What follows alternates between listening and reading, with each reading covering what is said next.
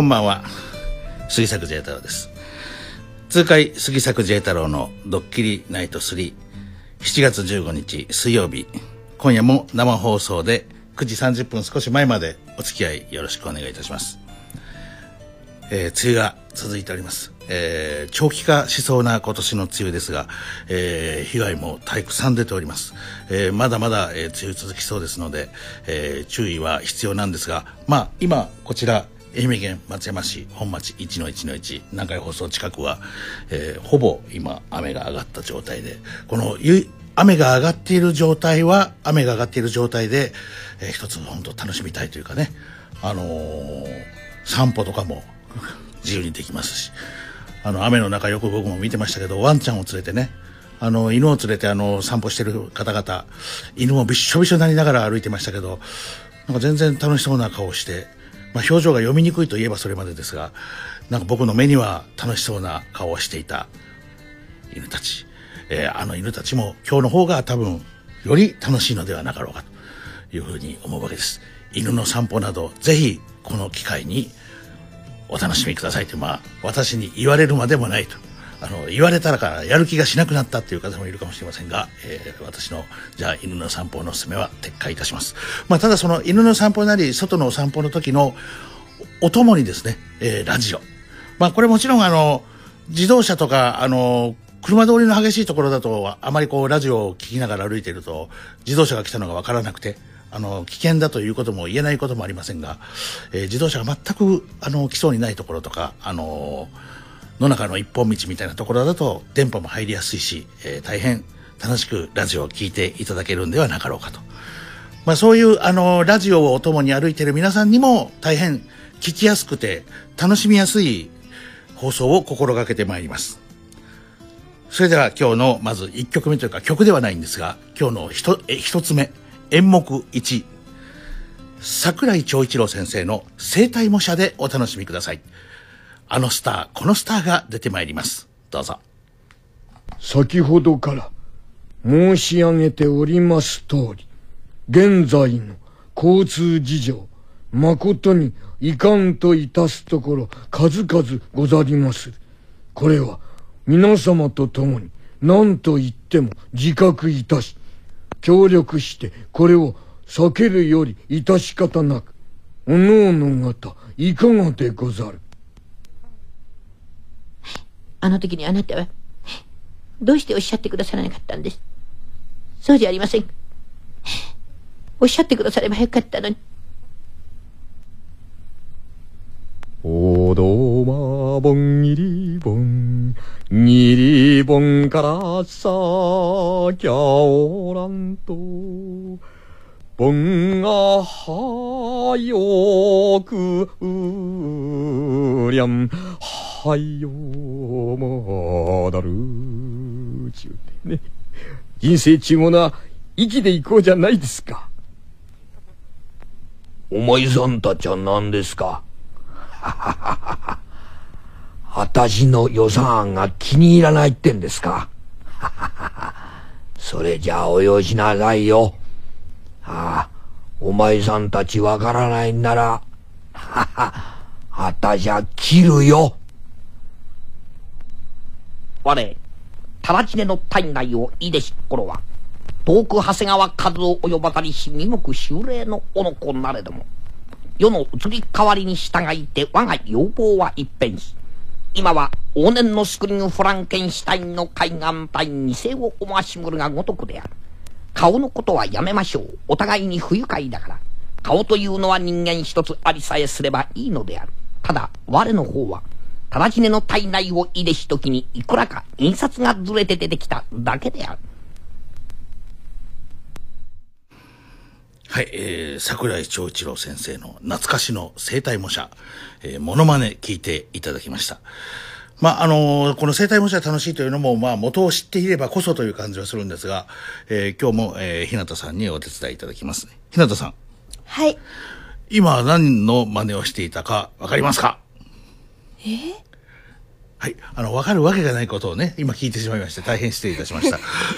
まあ、あのーでもなんか元を知らなくてもなんか言ってることは面白いでしょ？あ面白いなと思いました。ね。あのーお互いに、お互いに顔の話は、いや、顔の話はやめましょう。お互いに不愉快だから。面白いですよね。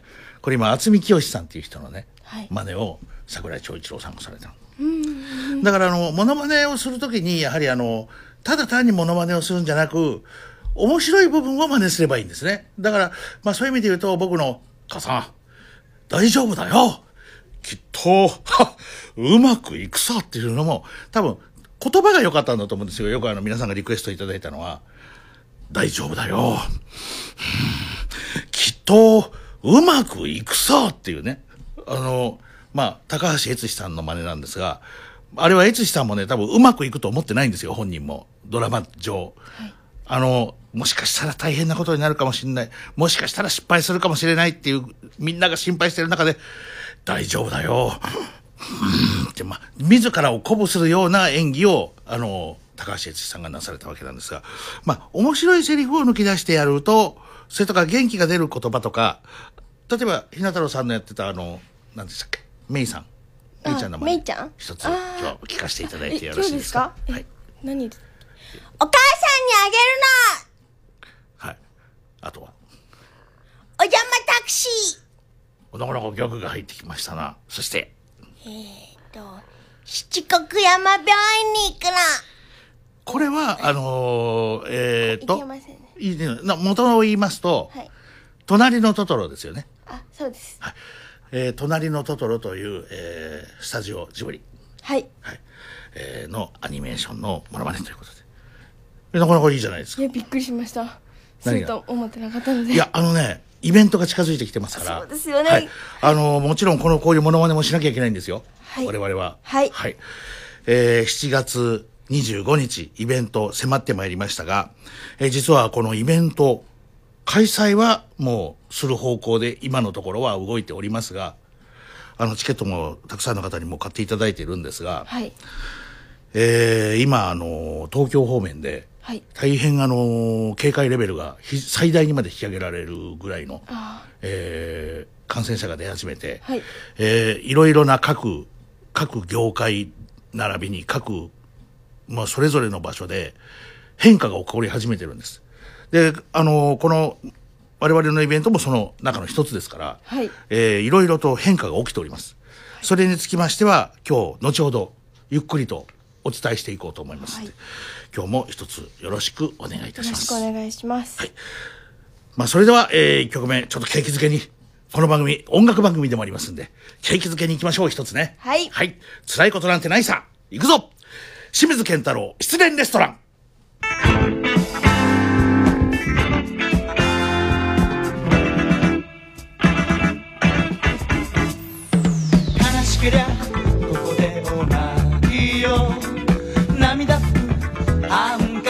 もあるし愛が壊した君の心を優しく包む椅子もある。ぽっかり開いた胸の奥に詰め込む飯を食べさせる。そんな失恋レストランいろんな人がやってくる。好きな女に裏切られて笑いを忘れた道化師がすがる失恋レストランもうどけることもない。今はねえマスター作ってやってよ。涙忘れるカクテル悲しけりゃ。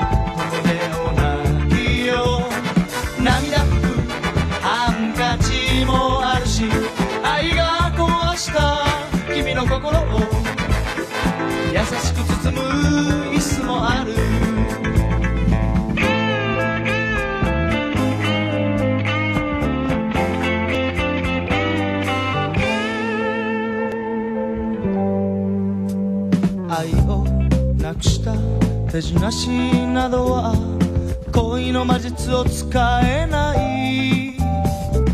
だから失恋レストランなくした恋の吹き溜まり歌を歌えぬこの俺でも話し相手になれるならいいさ失恋レストラン君のそばにいてあげる。ずっとねえマスター歌ってやってよ。痛みを癒すラブストーリー。悲しけりゃここでお泣きよ涙ふくハンカチもあるし愛が壊した君の心を優しく包む椅子もある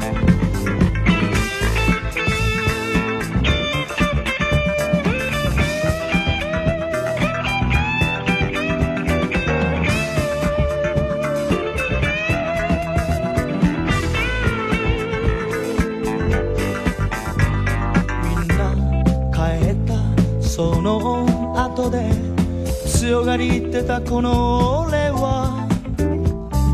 一人失恋レストラン。まだ恋したこともない。そうさ。ねえマスターラストオーダーは失恋までのフルコース。ねえマスターねえマスター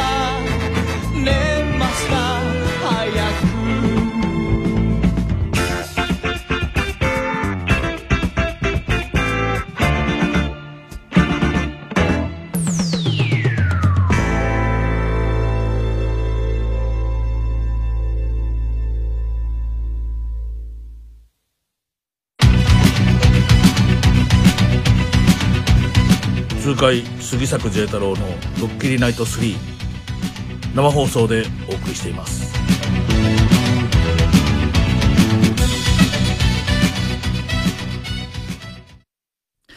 桜井長一郎先生の生体模写に続きまして清水健太郎さんの失恋レストラン聞いていただきましたがいやー、いい歌ですね。いつ聴きましても。えー作詞作曲編曲すべて角田博さんという。角田博作詞作曲編曲なんですが、えー皆さん、まあ、清水健太郎さんの顔を皆さんご存知ですよね。ほんで、清水健太郎、まあ、お互いか、お互い顔の話はやめましょうって言ったばっかりなんですが、えーちょっと前言を翻しますけどね、やはりあの、顔もね、やっぱりあの、いい顔はやっぱり。そして清水健太郎さんはやはりあの、ハンサムはハンサムな、ちょっとこう、なんかこう、悲しい、悲しげな、切なげな雰囲気の顔をした清水健太郎さん。ところが、えーこれがね、やっぱりね、作詞作曲編曲すべて先ほどの曲作られたのは、角田博さんなんですよ。角田博さんが喋って、角田博さんが要求したとなると、失恋までのフルコースというのはもう全然違った雰囲気に聞こえてきますよね。はい。ということで、えーもう一度ですね、ちょっとオープニング、まずね、このオープニングが、やっぱり角田博は、あの、音楽センスがもう、ズバ抜けてる。まあ音楽業界用語で言ってひっくり返してバーズっていうかどうか知りませんが、ズバ抜けてます。えーちょっとオープニングもう一度聞いていただきましょう。角田、角田博の作った失恋レストランのオープニングサウンド聞いてください。どうぞ。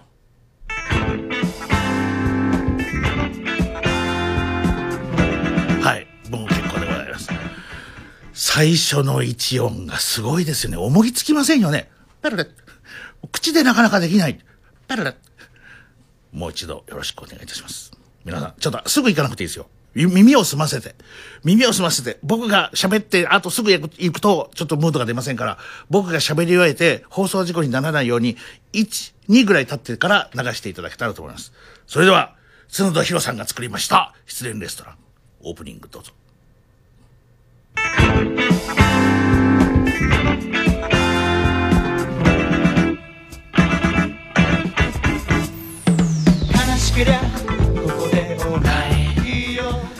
いやー、いいですね。本当あの、悲しければここでお泣きを。失恋までのフルコース。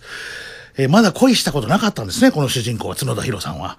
えーただ角田博さんは、あの、格闘技とかもね、お好きなんじゃないですか。いや、そんな、間違えました。大変失礼いたしました。あの、僕、格闘技の会場で角田博さんをお見かけしたような気がしたんですが、えー角田博さんじゃありませんでした。斎藤信さんでした。えーパーカッションの斎藤信さんでした。あの、顔と雰囲気がね、シルエットが似てるんで、今思わず、あの、格闘技会場で角田博さんをよく見たような気がしたんですが、斎藤信さんでした。斎藤信は、信さんはよく来てました、格闘技会場にね。やっぱ、ああいうシルエットのああいう雰囲気の方はね、格闘技好きなんですよ。おまけにあの、角田博さんの場合は、油断してると、リングに上げられます。エリンジャー・アキム・カリムなんていう新日本レスラー、新日本プロレスに来襲した、え凄まじいレスラーいましたが、あの、もう本当ね、新日本の会場なんかに角田博さん行きましたらね、な、何やってんだよ、カリムは早く上げろよ、リングに、みたいな。いや、あの、こちら角田、な、ちょ、早く、はい、はい、早く、早く出ろ、ちょ手抜いたら処置しないぞ、みたいなね。あの、まあ、そんな風なこともあったやらなかったやらということなんですが、あの、まあ、一挙のね、音楽番組としてもお届けしてますが、なかなかいい音楽ですね。さああと歌詞が良かった。で、あの、さらに言いますとね、ただ一つだけ僕が言いたいのは、これはまあ失恋レストランだから、あと清水健太郎さん、この歌ってる主人公が失恋、恋をしたことがないから、涙忘れるカクテルって言ってましたよね。日向さん。はい、言ってました。涙忘れるカクテルくれって言ってたでしょ。はい。僕の経験上ね、お酒とかカクテルは失恋は余計きついんですよ。へえ。あのね、すごい失恋した後にお酒とか飲んでるとね、もう、とど、止めどないというか、どんどんどんどんなんか辛くなってくる。あの、幸せだった時のこととか思い出したりね。はあ、今頃、そそして今頃どうしてんだろう、彼女はとか、あの、女性が女性で、今頃か彼どうしてんのかしら、みたいな。まあ、帰って気になり始める。でそれじゃあ、やっぱね、深酒になってしまうと、結局、あのお酒もね、霧のいいところであげればお酒も美味しいですけど、夜、まあ、ひなとさんまだ未成年だから、これから先の話ですけど、聞いといて、学習しといてください。あ学習え、あの、夜12時過ぎてお酒飲んでると、1時、2時、3時、もう、どんどんどんどん深くなってくると、やっぱりね、美味しいお酒っていうよりはね、なんかもうね、我慢酒っていうか辛いお酒になって。それが4時、5時、6時になりますと、まああんまり蒸し返すのもご本人今反省してるから悪いけど、吉沢ひとみさんみたいな、ヨッシーみたいなことになってしまうんでね、そのまま出かけるみたいなことになってしまいますから、もう絶対いけないの、それは。もう酔いが冷めないから4時、5時まで飲んでたら、まあそれは彼女も今反省を大いにされていると思いますんでね、今私が言うことではなかったと思いますけど、あの、これから、やはりあの、人の振り見て我が振り直せじゃないけど、やっぱ深夜まで、だから、失恋のお酒は切り上げ時がないと思うんですよ。で、僕がおすすめしたい涙を忘れる、恋を忘れることができる食べ物、これはあるんです、はっきりと。これは僕のおすすめの食べ物。はい。激辛のカレーライスです。へえ。はい。それもね、あの、専門店とか行きますと、10辛、20辛みたいなのあるんですよ。ほんで、あの、5辛以上は、あの、食べたことのある方にしてくださいとかメニューには書いてますけど、そんなもん証明するもんなんかないんだから、あの、出演したらね、もう10ぐらい、10以上頼めばいいんです。15辛おお願いしますみたいな。そしたらね、辛いカレーライスって言っても専門店で作ってる場合は、とてもじゃないけど、口に入れてね、うわーみたいなものじゃないんですよ。そうなんそうですか。あの、料理が下手な人とか、料理あまりされない方が、例えば物を作ると、口に入れるのも無理な食べ物っていうのを、漫画なんかでよくありますよねはい。口に入れたら、うわーとかね。バレンタインのチョコが辛かったとか。そう、口に入れたら、うぎゃーとかあるじゃないですか。はい。専門店のカレーは違うんです。一応口には入るんです。へえ。で、入れた時には、なん、全然、全然辛くないじゃないですか、みたいなじ。ゃあ何、何が起きてるんですか口の中では？まだ起きてないです。あのね、入ってからです体に。体内に入ってから、各ブレンドされたスパイスが、喉を通った頃にちょっと不安になるんです。あこれは甘く見てたかもしれんぞって。口に入れた時点ではまだね、あの、な、全然、なんだお前はみたいな。そんな辛くないだろうみたいな。な、何しに来たんだよ。早くその金持って帰れよ。そして、100回マス書いて、あの、もう一回来い。そしたらくれてやるよ、ただでその女。なんだお前は。デンゼル・ワシントンっていうのか、お前。みたいな。あの、イコライザーにひどい目にあった、あの、ロシアのマフィアみたいなことになるわけ。ほんで、あの、最初はそれで油断してるんだけど、あの、喉元通った頃に、はい。あれ？喉が痛いんですか？いや、これは辛。これなんか未体験ゾーンだぞみたいになると思います。で、そっから先がね、はい。もうね、頭の髪の毛の、このもう、頭の髪の毛の元にこう、毛穴がありますよね。ありますねこのね、頭の髪の毛が生えてる毛穴の一つ一つから汗が吹き出してくるような。もう、汗だらけ。もうあの、食べてる途中から顔がね、洗、顔洗ったんですかぐらいびしょびしょになる。えー、本当です。ほんでね、もう、うわーってもうね、体中がもう汗と、ほんで水も飲まないと飲めない、食べれないから、はい水もガンガン飲む。あの、ピッチャーの専門店とかを、あの、料理屋に行ったら、あの、ポットみたいな水で運んできますよね。ああはいトンタロウなんかちょっとすん、すん詰まりのこう、低いの置いてます、こう。ほんであの、餃子の王将なんか行くと、のっぽのやつ置いたりしてますよね。よく覚えてますねああよく覚えてます。ほんで、あとあの、カレー、ところがね、カレーの専門店行くと必ずや出てくる。カレーの専門店はなんで水が一一緒に出てくるかっていうと、はい水飲まないともうとても食べられなくなるんですよ、辛いの食べてると。最初の一口目はなんともないんですよ。はい なんだこれ、もう、なデンゼル・ワシントンっていうのか、前みたいな。アカデミー賞取ったかなんか知らんけどさ、足元の明るいうちに帰りなさい、みたいな。そしたら、あの、帰らないですよ、そいつが。バタンバタン。ドアを開けたり閉めたりし始めて。まあ、そんな現象が起き始めた時に、気がつくわけです。こいつはただ事じゃないぞって。ほんでもうね、全身から汗がもう、な、多分ほんとね、すごい失恋してもね、絶対忘れてると思います、あの、食べ終わる頃には。辛さでですか？辛さで辛さで？この異常事態に。だってびっしょびしょなんだよ。あの、あのね、体験したことないことが起きるんですよ。だから、椅子に座ってるわけじゃないですか、お店の。はいお店の椅子に座った状態で全身ずぶ濡れになるんですよ。だから、お店の人に対しても周りの人の目もあるしね。うわーこれ、どうしようみたいになるんですよ。帰りどうするみたいな。だから、もう、なんか、失恋をね、完全に忘れることができるんですね。まあ、私からの、えーおすすめ。それは、失恋レストランで頼むものは、辛いカレーで。だから、あの、さっき、あの、清水健太郎さんの歌謡曲だから、ねえ、マスター作ってやってよ。涙忘れるカクテルって言ってましたけど、これが角田博さんがご自身が歌ったら、涙忘れるカレーライスみたいになる。ではなかろうかみたいな。すいませんね、無駄な話をしてしまいまして。いやどんななのかが気になって。それよりも、あの、イベントの話をしなきゃいけない。ああはいそうです。ドッキリナイト夏の陣、オールキャストでお届けしますという、このね、あのイベント、ちょっとおしご紹介よろしくお願いします。私が紹介いたします、はい。えーもう一回読みます。ドッキリナイト夏の陣オールキャストでお届けしますという題で行います。えー、と備考欄には会場は十分な距離を取りコロナ対策のガイドラインに従って運営いたします。南海放送正面玄関からお入りください。必ずマスクを着用してください。イベント中は極力心の中で笑ってください。ということになっててえー、と受付方法がローソンチケットで行うことができます、えー L コードは61577です。はい。ということなんですが、はいえー今、あのー東京方面、関東、まあ、あといろんなところでこう、まあ、これは、あの、どこで起きるかわかりません。大型感染がね。はいあのー結局この新型ウイルスが、あのー夏が近づいてきたというのに、あのー全然こう、弱まる兆しがね、まあ、若干あったんですけど、一気にまたぶり返してきていると。そうですねえーせっかくプロ野球もお客さん入れ始めたりしてね、なんかようやく日常が戻り始めてきたと思った矢先に、はい。大変こうショッキングな展開が起きてるわけなんですが、えーこれを受けまして、えーこのドッキリナイト夏の陣オールキャストでお届けしますこのイベントなんですが、えーこちょっと変更点が出てまいりました。これあの、ご参加する皆さん、この、近所からいらっしゃる皆さんもいれば、えー多分、もしかしたら県をまたいでいらっしゃる方もいらっしゃると思うんですが、はい。えーこれは全員に、全員の方にお願いすることなんですが、はいもう大変こう、我々も厳しい、心苦しい部分はあるんですが、えー来場した皆さんには、住所、氏名、電話番号などを確認させていただくと。そして、えー身分証明になるものをご持参ください。ということなんですよ。はいこれはね、あの、いわゆる感染が発生した時に、はい経路を特定しなければいけないので、ああの、必要になってくるんですね。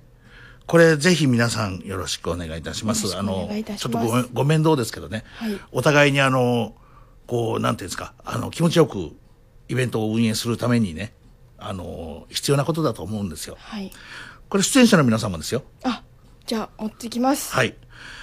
えーそして、えー会場内の設備の消毒は、これはもうね、先ほど、あのー部長さんがもう直で言っていました。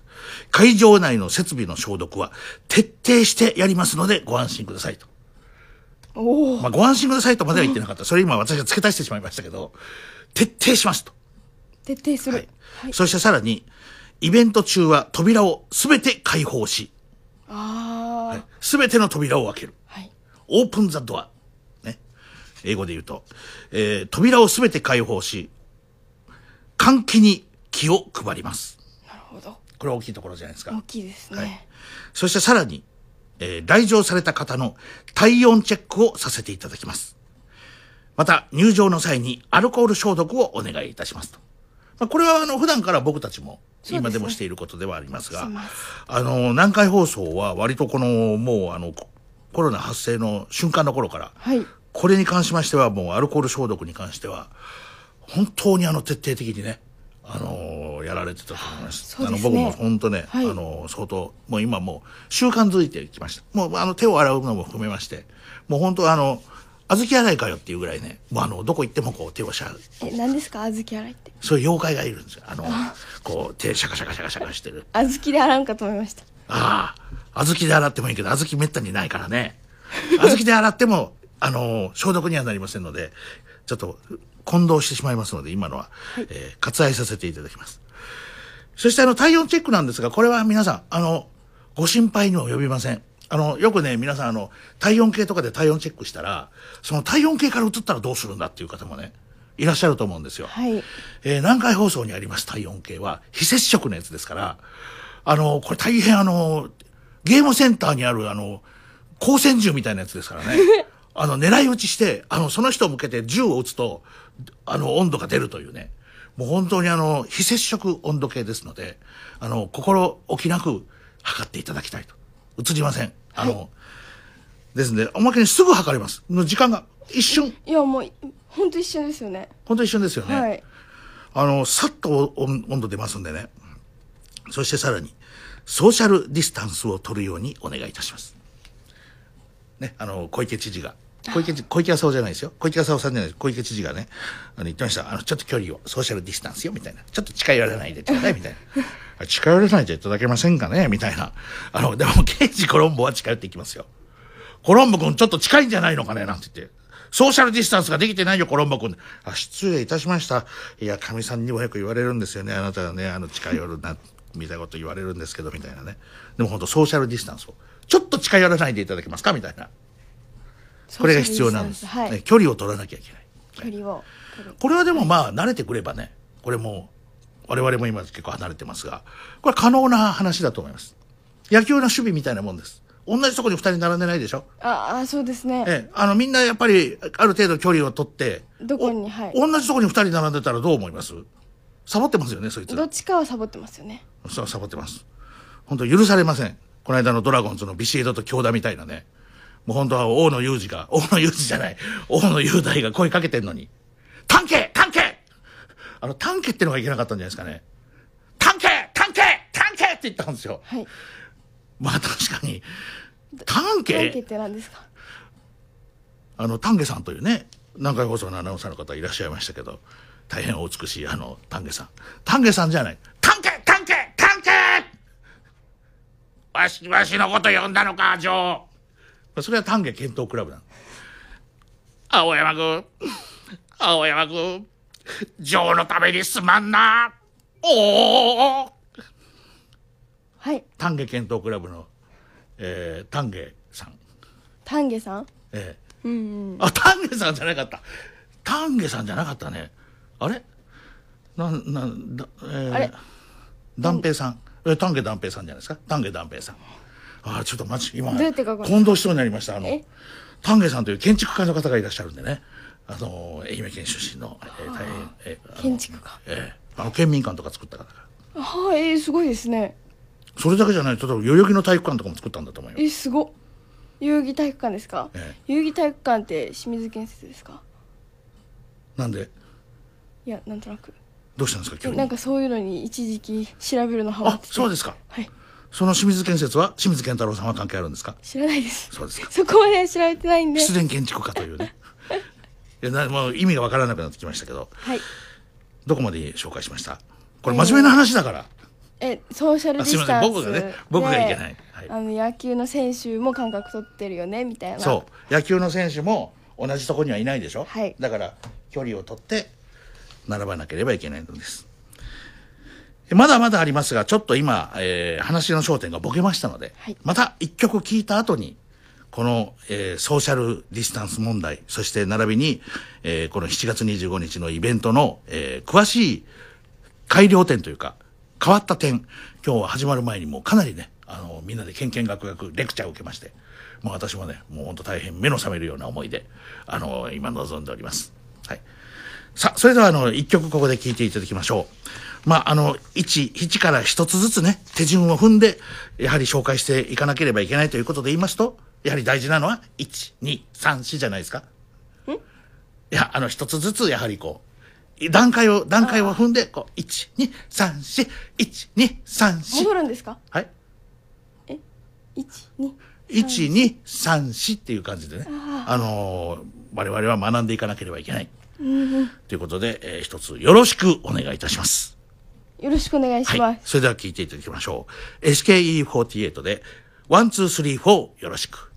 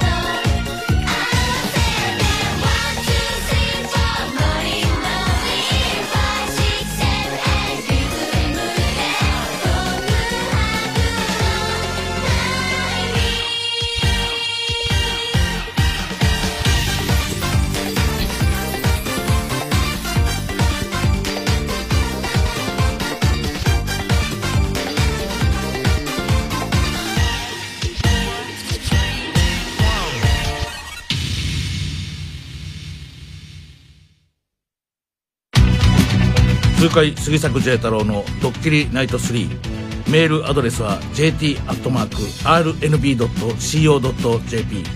生放送でお送りしています。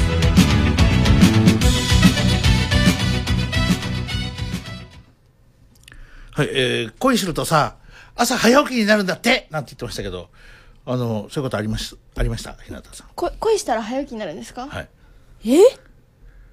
関係ないと思います。あそうですかまああのまあでももうそういうのがもし効き目が本当にあるとしたらですよ。はい。あの例えば内田君なんかも早起きになるかもしれませんね。あの内田君いつもねあの深夜3時4時5時いつ電話しても起きてますからあの多分恋したら早く寝るようになるかもしれませんね。はい。まあでもやっぱりあの SKE48 えー、これは素晴らしいですね。あのこの後まあ今の SKE もねそれは頑張ってるとは思いますけど、まあ本当思い出します。もうこの曲をね、あの彼女たちが歌っていた頃、えーコンバットレック、サミュエル、えーみんな名古屋に引っ越すというふうにね、断言しておりましたけども、えー引っ越したのかな？あの、いや、引っ越したのかななんて言って一応、引っ越したかもしれませんよ、一回ぐらいは。えーまあちなみに私はその頃、ジャカルタに引っ越すと言っておりましたんで、えー私も結局引っ越さないままになって、かなり本気だったんですよ。ジャカルタに引っ越すって言ってた。どうしてですか？でもうジャカルタに引っ越すっていうんで、あの、あちょうど土屋くん家だよ。土屋くん家で、俺はジャカルタに引っ越すんだっていう話してて。そしたらあの、ちょうどあの、映画の話し合いがあって、えー、住倉くんっていう撮影監督、墓場プロの、ちょうど来ることになってた。で、住倉が来た。で、住倉来たから、いや、実は俺ジャカルタに引っ越そうと思うんだって言ったら、事情はまだ言ってないんですよ。事情はまだ言ってないんですけど、ジャカルタに俺引っ越そうと思うんだよって言ったら、いつそれを言い出すのかと思って待ってましたよ。さあ、行きましょう。準備できてます、僕は。みたいなね。あの、驚いたことありましたよね。まあ、結局誰も行かなかったという。あの、いや、行く気はあったんですよ。まあ、それはあの、僕の場合は、あの、高城脇さんという、あの、AKB48 の方が、えー JKT、ジャカルタに引っ越すことになりましたんで、まあね、あの、この大変な状態をね、なんとかして、えーなんていうんですか、盛り上げて、盛り上げてあげようっていうような気持ちがね、大いにあったわけですね。まあ、あの、そんな話は置いておきましょう。そんな話は置いておいて、お便りいただきました。松山市のグリーバス将軍からいただきました。はいやーみたいな。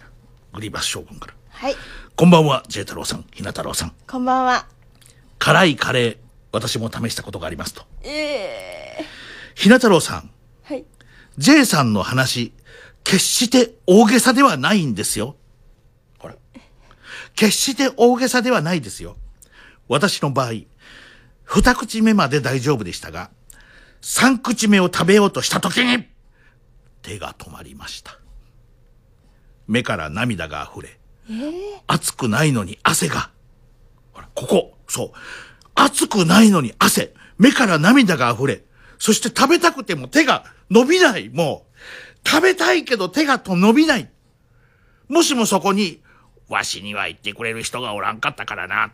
もしもセコンドがついてたら、言ってます。 stay down stay down ロッキー立つな立たんでいい stay downミッキーがついてたら、映画ロッキーの話に飛びましたが、あの、ステイダウン畳んでいいもうそれ以上、食べんでいいわしには言ってくれる人がおらんかったからな。言ってくれたのかよ、じゃあお前は。俺のロッカーはなんだよ、俺のロッカーは。帰ってくれよ、みたいなね。帰るよ、ロッキー。帰るぞ。そそれはあの、この番組で作ったステッカーでしたね。ちょっと何の話言ってるかちょっと分からなくなってしまいました。すいませんでした。あの、まあ、何にしても、あの、グリーバ将軍さんがおっしゃったように、辛いカレー、この大変辛い、これ専門店の辛い、超辛い激辛カレーを食べますと、二口目まで大丈夫でしたが、三口目を食べようとした時に手が止まりました。目から涙が溢れ、熱くないのに汗が。なんとか食べきりました。偉い食べきり。私のカレーに対する活動限界を知りましたということです。いや私まだ普通ぐらいしか食べたことなくてうん、あのね、一回とにかくチャレンジしてみる価値はあると思いますよ。あの、松山は、まあ全国的かもしれないけど、松山松山は特にあの、専門店が多いですよね。専門店。ああカレー屋さんってことですよいねやだからねあの今僕が言ってた20辛とかはここここ一番屋ってところでこれ全国チェーンのお店。あこれ元発祥が名古屋ですよ。先ほどの SKE じゃないですけど。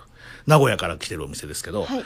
あのーほらインドインドカレーの店が山ほどありません？山ほどってこともないけどえあのフード専門店。そうそういうやつ。フード？その手のあの方あのインドの方々々が現実際に作ってらっしゃるような店が街中にもありません？ね。街中まであるでしょ？ありますね。あのすごくありません？ありますそしてあのさらにそれ以外に老舗のカレー屋さんがありません？ありますあります。福山雅治さんの行った店とか。ライオン。ライオンライオン。福山雅治さんも行ったライオン。ライオン。おそらくこの番組のリスナーの徳山雅治さんも行ってると思います。徳山雅治さんも行ってると思いますけど福山雅治さんも行ってるで福山雅治さんはさらに言いますとその近所にある宝くじ屋にも行ってるんだ。え？えなんてとこでしたっけ？角にある宝くじ屋。ええ？なんとか商店。えあ宝くじ屋に一つずつ名前ついてるんですか？あ金コースっていうあすいません。あの千船町の。ああります。あそこの角にある。の何億円当たりましたそうあそこの何億億円当たりましたって店。あそこは福山雅治さんも行かれたんですよ。でどうだったんですかね？当たったんじゃないですか？それを元手にして芸能界に進出したんじゃないですか。いやそんなことないと思います。そんなことはないと思いますけど言わないよ。当たっても福山雅治さん多分。言いますかね。何に当たったぞーって言いますかね福山雅治が。6億円もらいましたーみたいな。僕は言わない方に一票ですか？重い一票ですね。言いますかね。誰でもいいでよ。テレビ出てる人。あ東野幸治が言いますかね。当たっ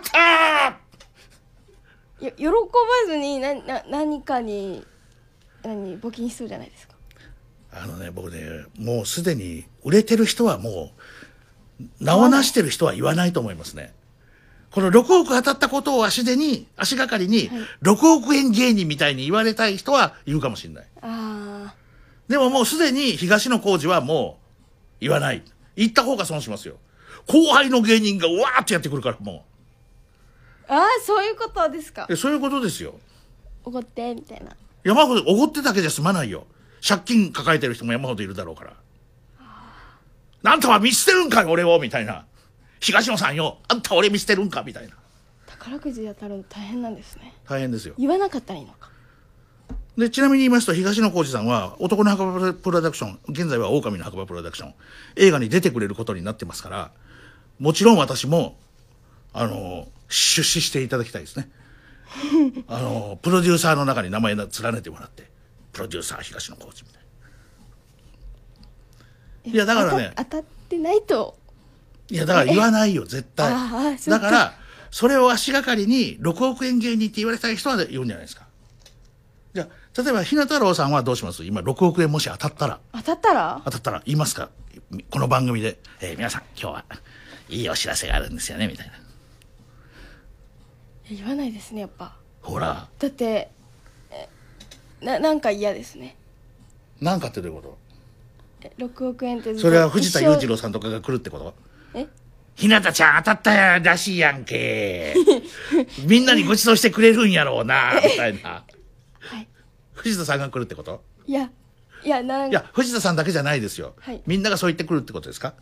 いやそういうわけじゃなくて。甲斐さんとかが来るってこと？え？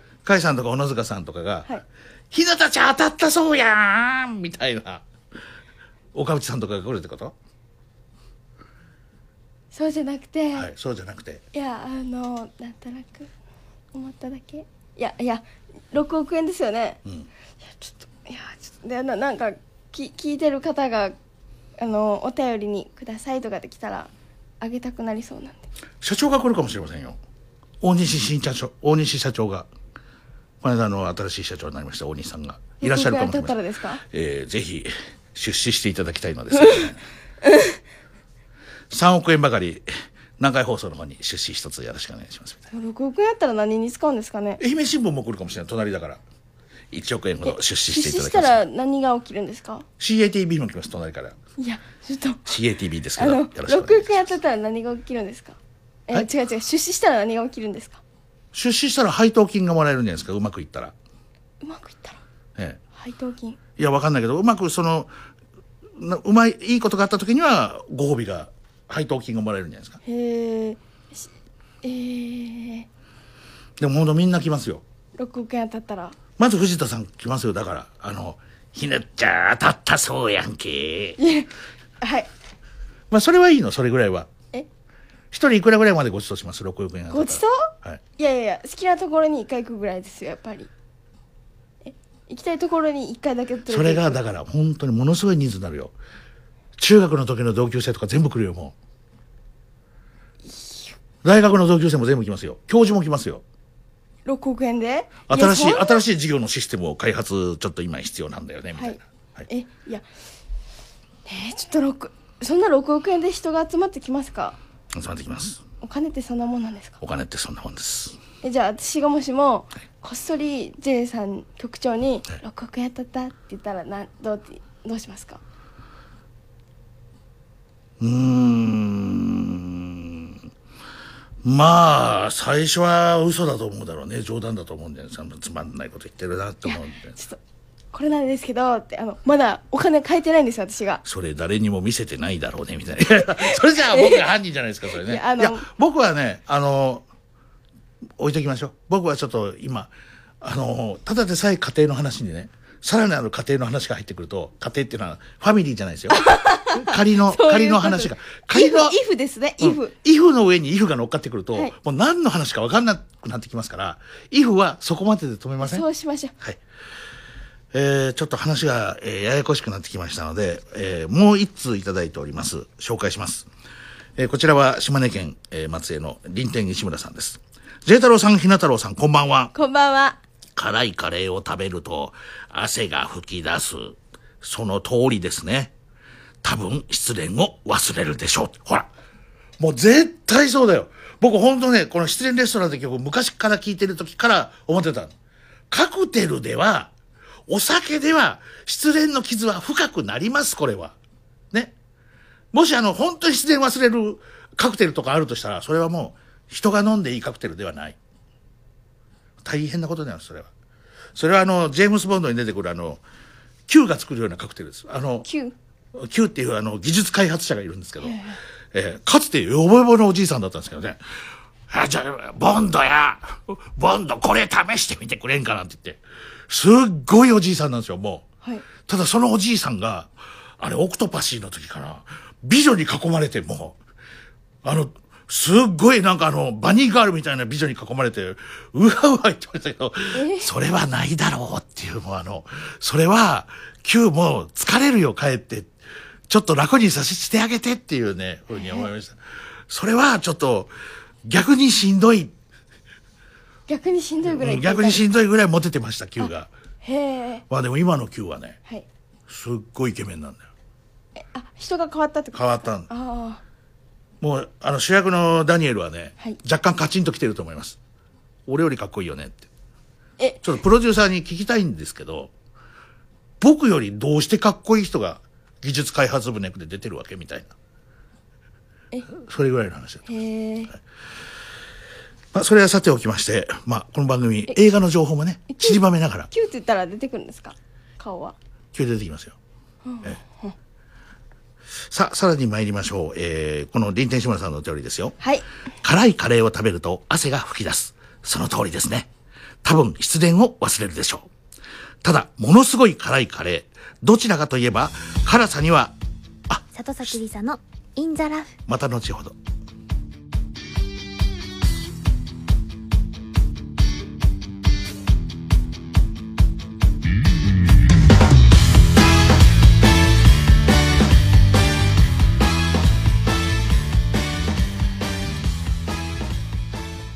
皆さんいかがお過ごしですか？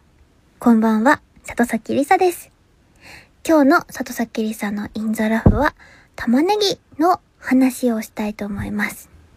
最近あの私はあのこういった状況なのであの外食をすることをちょっと控えめにしてあのテイクアウトとかはあのよく行くレストランの応援したいと思ってしたりするんですけれどもあのお友達とご飯行ったりとか打ち合わせでご飯ついでに食べるとか、なんかそういうことをして栄養摂取をしてたんですけど、そういうことがかなりあのなくなっている状況なので、あの、お家でご飯を食べるんですけど、あの、すっごいね、それでハマったことがある、あって、あの、玉ねぎあるじゃないですか。私、あの、自分が栄養を取るためには、もうお外でご飯をあまり食べられないから、自分でちゃんと作らなくちゃと思って、あの、実家の、あの、家族が、あの、まあ、一人暮らしの食事のためにアドバイスをくれて、その、量をね、私4人家族分作っちゃう癖があったんですよ。もう、大きな、量、量の大きな、その、子供の時に家庭科の調理実習とか、あとお家でご飯作る時に、もう何人分も作る分量で教わるじゃないですか。だからそれでしかご飯を作ることができなかったんですけど、最近、あの、それでご飯作ってなかったんですけど、お家で。最近、その、私の家族から、あの、アドバイスをもらいまして、タッパーを買って、それに、あの、お野菜を切っておいたりとか、その、作っちゃったのを取っておいたら、あの、自炊してもきっと大丈夫っていう風に言われたので、そういう風にしようと思ってタッパーを買ったんですけど、あの、私玉ねぎを切るのが本当に嫌いっていうか苦手だったんですね。玉ねぎは好きなんですけど、もう切ると目が痛くなっちゃって、も前が見えなくなってしまうので、あの、とても苦手だったんですけど、もう最近はなんでかわかんないんですけど、玉ねぎをいかに薄く綺麗に切るかというですね、のが、あの、とっても楽しくなってしまって、もう、もう、あの、玉ねぎスライス中毒みたいな感じで、もう、とっても楽しいです。もう永遠に切れる。あの、玉ねぎって、あの、袋に何個も入ってて買えたりするじゃないですか。それ買ったらもう、すぐ、全部切っちゃうんですよ。もうで、目が痛いんですけども、もうそれも関係なくもう、いかに薄く綺麗に美味しく切るかっていうの戦いと、目が痛いの戦いと、なんか最近ほら、ライブとかも、実施ができていなくて、そう、戦うシーンがすごく、あの、少ないというか、あの、なんで体に、が戦いを求めていて、玉ねぎと戦って、それがですね、楽しいんです。しかも玉ねぎはとっても美味しくって、野菜炒めにも使えるし、あの、トーストとかにも使えるし、あの、とても便利な健康にいい食べ物なので、それにハマっているというお話でした。苦手だったものが大好きになったということが起こるものだなと思いました。大人にはなったけど、まだまだ知らないことが多い世界だなと思いました。ここで一曲お届けします。里崎りさでオールライト。今日も素敵な夜をお過ごしください。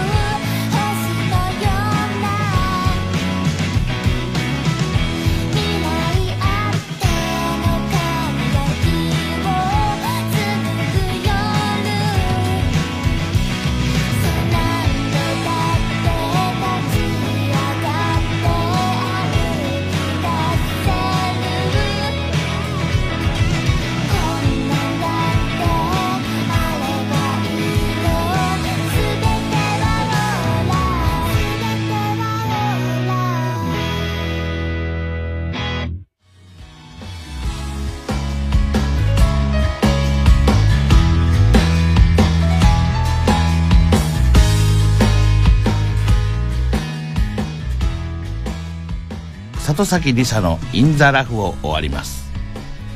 また来週をお楽しみに。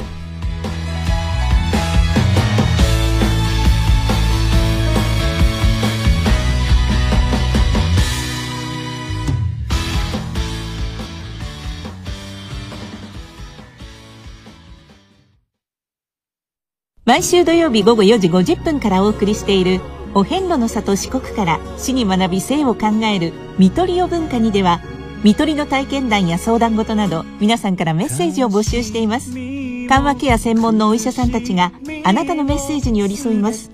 メールはみとりアットマーク RNB.CO.JP お便りは790-8510南海放送ラジオ見取りを文化にまでお待ちしています。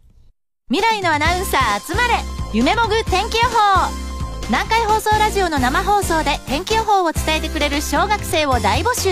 本番前にはアナウンサーが読み方を指導。放送局の見学もできます応募締め切りは7月19日詳しくは南海放送アプリまたはホームページで。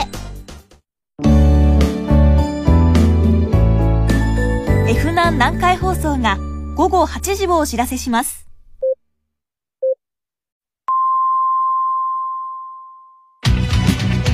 痛快杉作 J 太郎のドッキリナイト3火曜水曜木曜19時から生放送でお送りしています。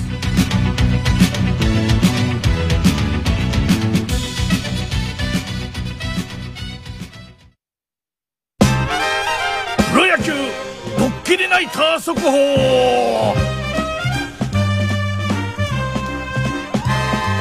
ズンタッタタズンタッタズンタッタタズンタッタはい、それではプロ野球ドッキリナイター速報参りましょう。という前に、お便りをいただいております。はい。えー千葉県の方から、えー、はーはーへいへいほうほうさんからいただきました。はい。杉作先生、日向さん、スタッフの皆さん、こんばんは。こんばんは。ドッキリナイトのイベントがあるんですね。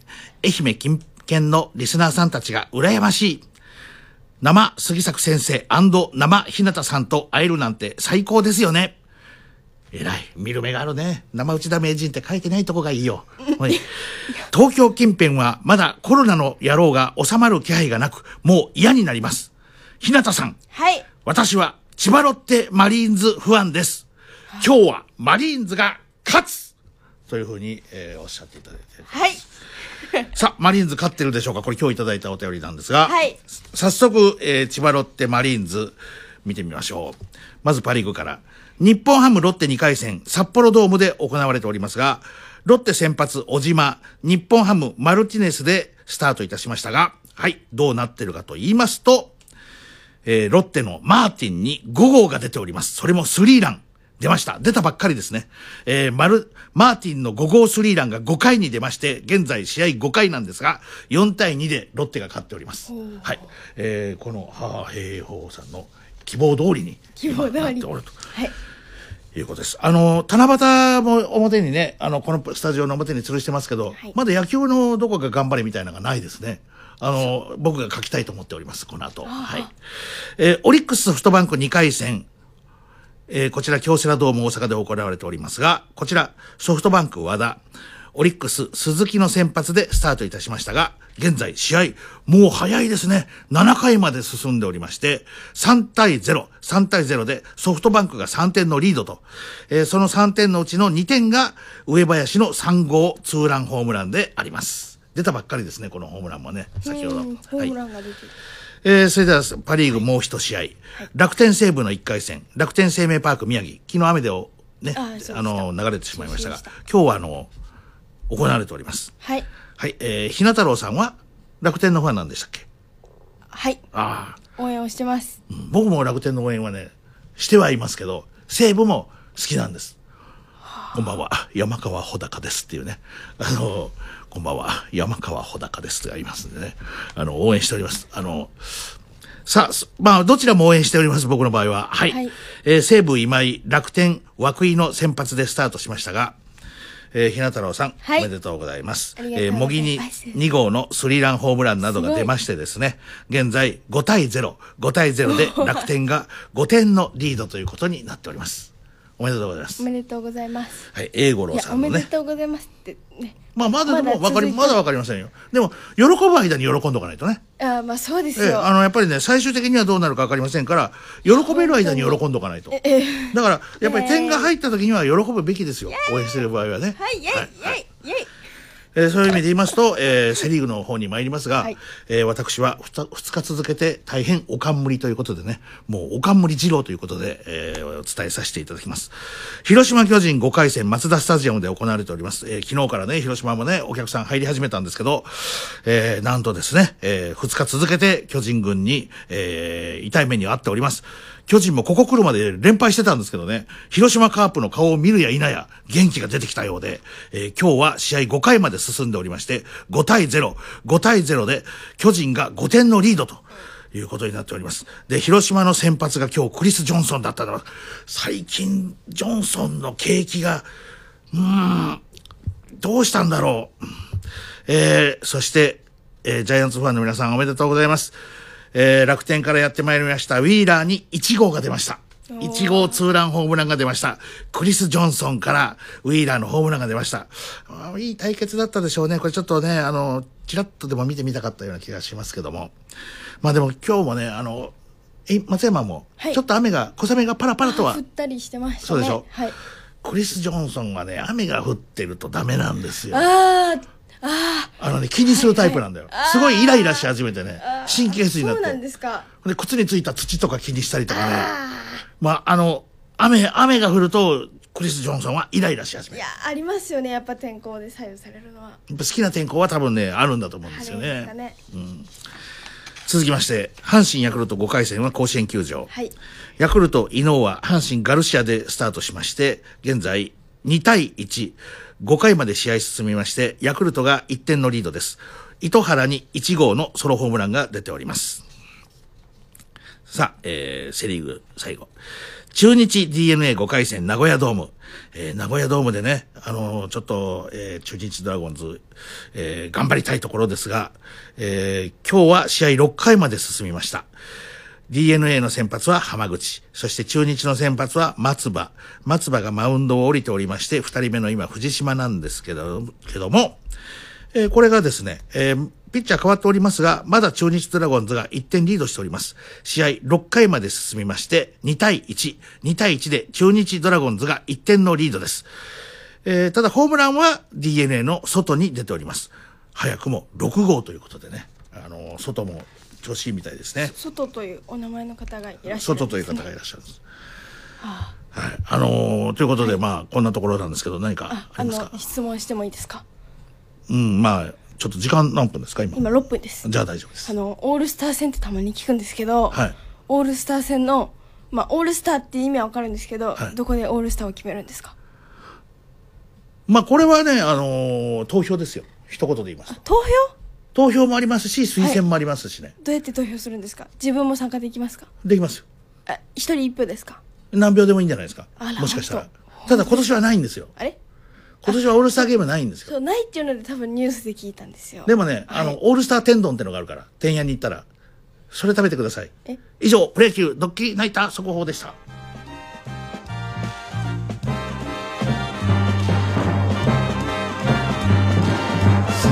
タッタタズンタッタズンタッタタズンタッタ青春かけた野球だぜ泣きたいこともあったんだ今グラウンドをかけながら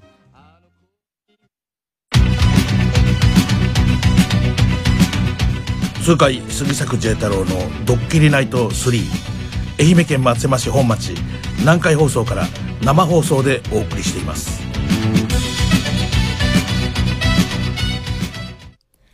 リクエストにお答えします。ラジオネーム、泥水天使、アットマーク、7人目のレニオシさんからです。杉作さん、ひな太郎さん、こんばんは。こんばんは。こんばんは。えー埼玉の川越で、あ、川越で拝聴しています。僕には、台風や大雨の時に聴きたくなる曲があります。それは、わらべのもしも明日がです。子供の頃に見た相米監督の映画台風クラブのワンシーン。台風の夜、中学生たちが学校で下着姿になって踊りながら、もしも明日がを歌う場面を未だに思い出します。なんだか、もしも明日がを聞くと雨が止むような気がします。ということで、ラジオネーム、泥水天使7人、アットマーク、7人目のレニオシさんからのリクエストで、わらべさんの、もしも明日がです。どうぞ。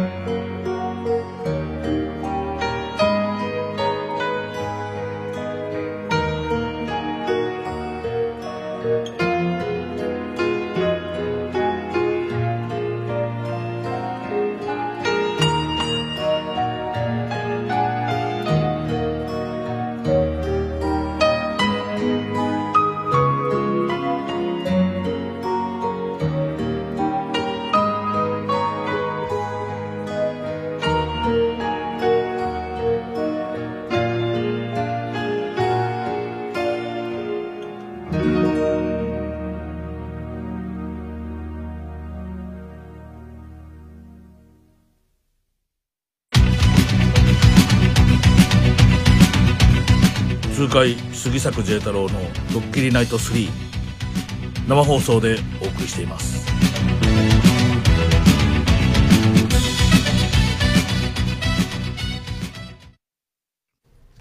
はいラジオネームエキスポ81さんからですね。杉作さん日向太郎さんこんばんは。こんばんは。失恋には激辛カレー。なるほどと膝を打ちました。やっぱりほら本当なのこれ、僕ね、この僕にしてはね、ものすごくいい情報をね、はい久々に出たと思う。もう、長野のホームランぐらい。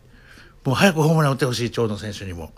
えー、膝失恋には激辛カレー。なるほどと膝を打ちました。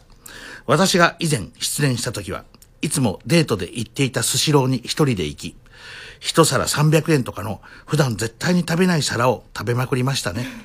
あーまあこれも、これは、その、デートでいつもスシローに行ってたんですって。そしてその時は多分食べなかったんでしょうね。はい。それを悔しいから、今日はもう300円で食べてやる。彼女と一緒の時は食べなかったけど。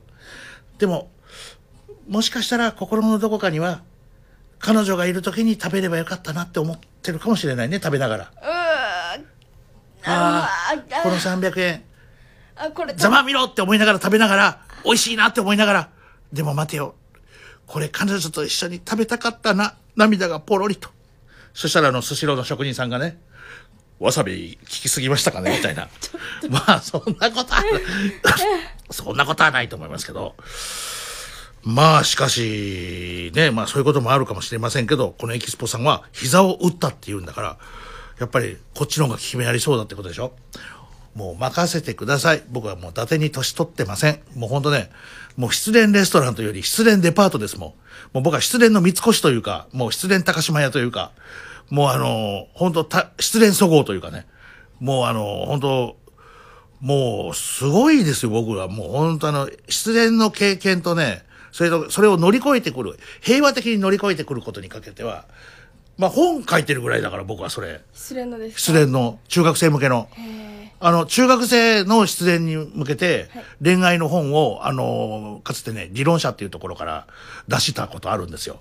そしたらね、あの、ゴーストスイーパーの、えー椎名隆先生が、なんと、あの、これは素晴らしい本だというので、お会いしてないんですよ。お会いする前に、椎名隆先生が中学生の息子さんに買って与えたこと、僕与えましたよ。ええ。まあ、ちなみに僕は、あの、ゴーストスイーパー三上を、あの、模写して、女の子の絵を上手になったんです、実は僕は。僕実は女性の絵が大変苦手だったんです。あの、漫画家ですけど。で、一番最初、坂西五郎って人の絵を見模写してたんですけど、ちょっと、坂西五郎、五郎さんの絵がちょっと古くなってきましたんで、あの、アップデートしなもっと今風の綺麗な人の絵描けないかなと思って。そんな時に、いろんな漫画を見たんですよ、僕がね。僕の目に留まったのが、少年サンデーの椎名隆先生だったわけですね。そして椎名隆先生の絵を、こう、かなり模写した。もうもちろんもう全巻買いましてね。もうあの、読みながら。そして、そしたら、後に、たまたま椎名隆先生とお会いする焼肉を毎月食べるような、そういう、あの、会がありましてね。ええ毎月のように、あの、焼肉を一緒に食べたんです。毎月焼肉食べるんですか、はい。ええ。そしたらその時に、椎名さんが、いや、実は、杉作さんの本は、うちの、あの、恋愛の本は本当に素晴らしいみたいなことでね、うちの息子に与えましたよ、みたいな。だから、あの、この失恋した、失恋とかね、恋愛とかを、僕はやっぱりあの、肯定的に捉えたいんですよ。肯定？だから、クソーとかはもうたくない。うんだってなぜならば、失恋の確率は結構あるんだから。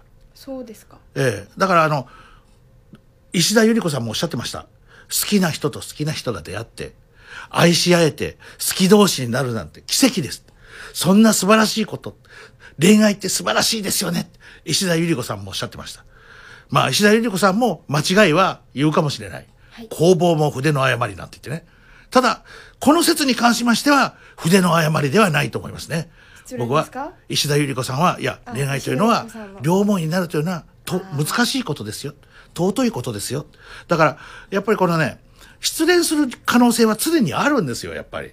だから、その、その可能性があることでいちいちね、クソとかね、世の中を呪ってやるとか言ってたら、その人はもうダメです、それは。やはりね、野球の三振とかと一緒じゃないですか。三振もあるんですよ。いや、いやまあ今ドッキリナイターじゃないですけどね。三振もある、ゲッツーもある、そしてピッチャーも失投はある、ホームランも打たれるでしょう。祖父江も、祖父江も大野雄大も、それホームランは打たれる。はい問題はその後じゃないですか、やっぱりね。うーん、あそこ投げて打たれたな、今日な、みたいな。やはりやけになるのではなく、それは、ほだって、生涯ホームランを打たれない人なんかいませんからね。どんなピッチャーでも、どんなピッチャーでも。うん。もし、もしいたとしたら早めにやめた人ですよ、そういうのは。あで、恋愛も一生のうちに一度も辛い恋が、恋がないなんてことはまずないんじゃないですか。まあわかりませんけど。まあ中にはいるでしょうね。あの、生まれて一番最初に好きになった人と添い遂げたって人も、まあ、いるではあるだろうけども、やっぱり失恋というのは、いろんな失恋がありますからね。例えば、軽い失恋もあります。例えばあの、僕の友人で言いました。あの、さっきの人、なんか君と、なんか気が合ってたみたいだね、なんて言って喫茶店で初めて会ってね。気が合ってたみたいだね、なんて言った。いや、ダメですよ。なんで、指輪してましたよ、なんて言って、よく見てたな、なんて言ってね。すっかりその気じゃないかな、って言ってね。あの、まあ、そういうこともあります。だから、あの、そういう軽い失恋は、もうさっとあるんですよ。やっぱりあの、世の中には、人のものだと思うと欲しくなる人もいるかもしれないけど、誰かと付き合ってるって聞いた時点でもう繊維喪失する場合もあるわけですから。だから、あのーまあ、そんな話じゃないよね。そんな話だ。そういう話そういう話でした。そんな話でした。ただ、その失恋に、激辛カレーが効くという今日の僕の意見が、大変もうウィーラーのホームラン級だったということでしょ。いや、僕はね、これもう良かった。お伝えすることができて。この南海放送でラジオを今やっていてよかった。伝えることができて。今まで僕はこれはもう自分の中にあったんですよ。はい激辛カレー食べれば、はいまあもちろん、食べ終わったらまたお襲いかかってきますよ。食べ終わって、その日の夜とか深夜になったらまた、悲しいな、みたいな、寂しいな、みたいになるかもしれませんけど、とりあえずその瞬間はもうね、激辛カレーを食べれば、もう、やる気が出てきます。なんかこうね、なんかなんかね、ファイティンファイティン、ファイティン、ファイティンみたいな感じになる。か辛いカレーでですか、うん。タラタタタラタラタラタラみたいな。もうあの、意味わかりませんけど、なんかすごいこう、いや、気持ちがわ豊かになってくるわけですね。はい。さあ、それでは、そんな、えー出演した人もぜひね、来てほしい。あの、イベント、イベント7月25日、ドッキリナイト夏の陣、オールキャストでお届けします。こちらなんですが、先ほどはソーシャルディスタンスを取るようにお願いしますまでをお伝えしました。もう一つあるんですよ。これがすごいです。会場の最前列の方には、これちょっとあの、厳しいかもしれないけど、協力、ご協力いただきたい。こんな光景僕見た、まだ見たことないんですけど、会場の最前列、これ席自由なんですよ、当日。はいはいはい近くで見たい。ひな太郎を近くで見たい。ひな太郎のファッションショーあるんですよね。あありますよそのひな太郎ファッションショーを近くで、ちょっと待ってください。ひな太郎ファッションショーもだいぶできてるんですか？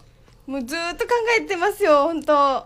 大丈夫です。いや、なんかしんどそうに言ったけど、しんどかったらやめていいんですよ。いや違い。ます。えっとちゃんちゃんと聞いてください。ええ。えー僕はあの、全然、あの、無理強いしたわけでもなければ、えーと自分でやりたくて。何なんですか今の迷惑そうな顔して。すいませんすいません。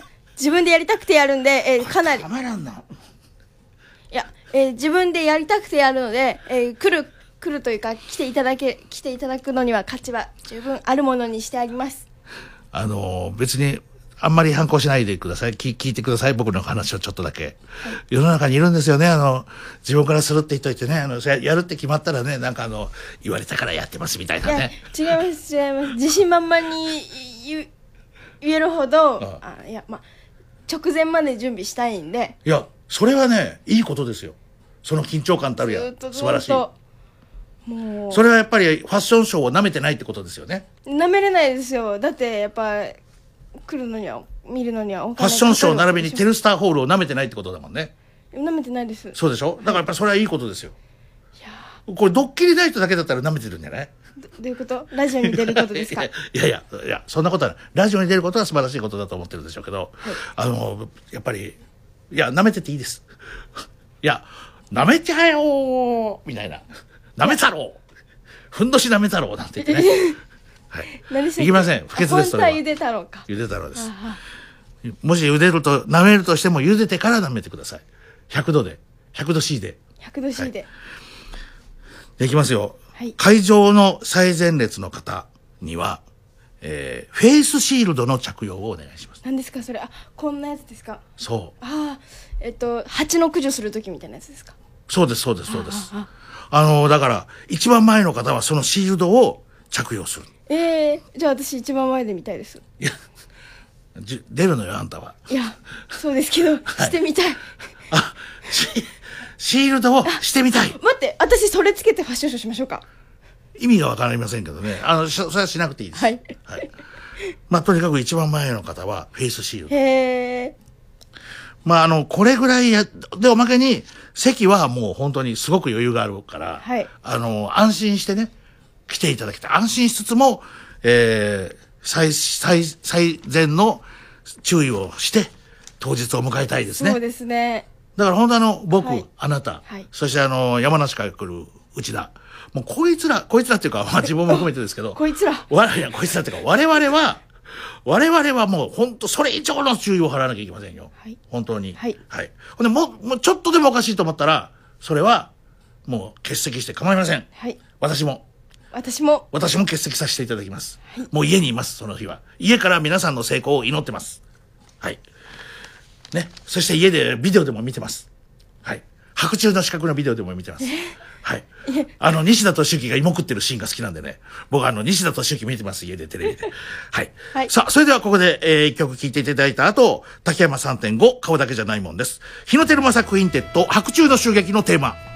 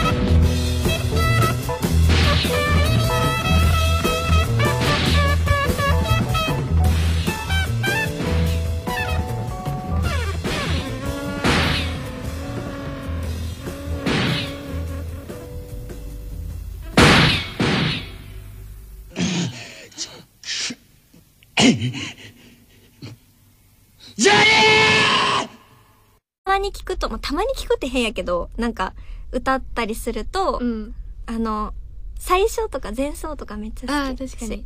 あの、ライブの時、ハッピーデイズだけこうやってみんなするやん。あ、する。これ、この光景めっちゃ好きなのえ、じゃあ全部しようや、これ。これがいいよね。他はなんか、おいおいとかやんか。ハッピーデイズだけね、これな。確かにこれ染みるんよ。これが。それはここれ、これがわからんって。ラジオうん、ラジオ。だから手お手手フリフリするよう手をゆっくり振るやつ。そう。ヤッホーみたいな感じそうそうヤッホーのちょっとスローバージョン。ヤッホーそうそう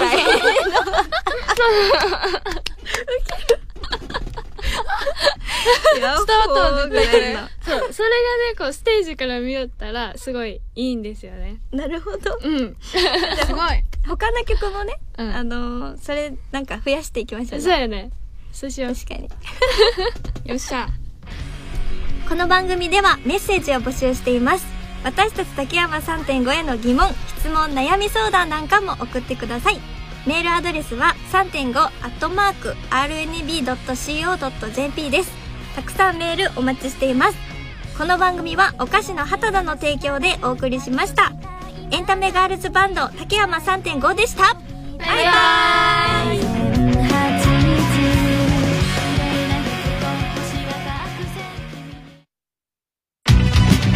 痛快杉作 J 太郎のドッキリナイト3メールアドレスは jt.rnb.co.jp 生放送でお送りしています。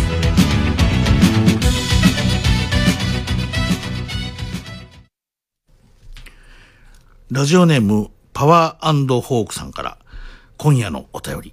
ファンタジー保管計画と題されたメールをいただきました。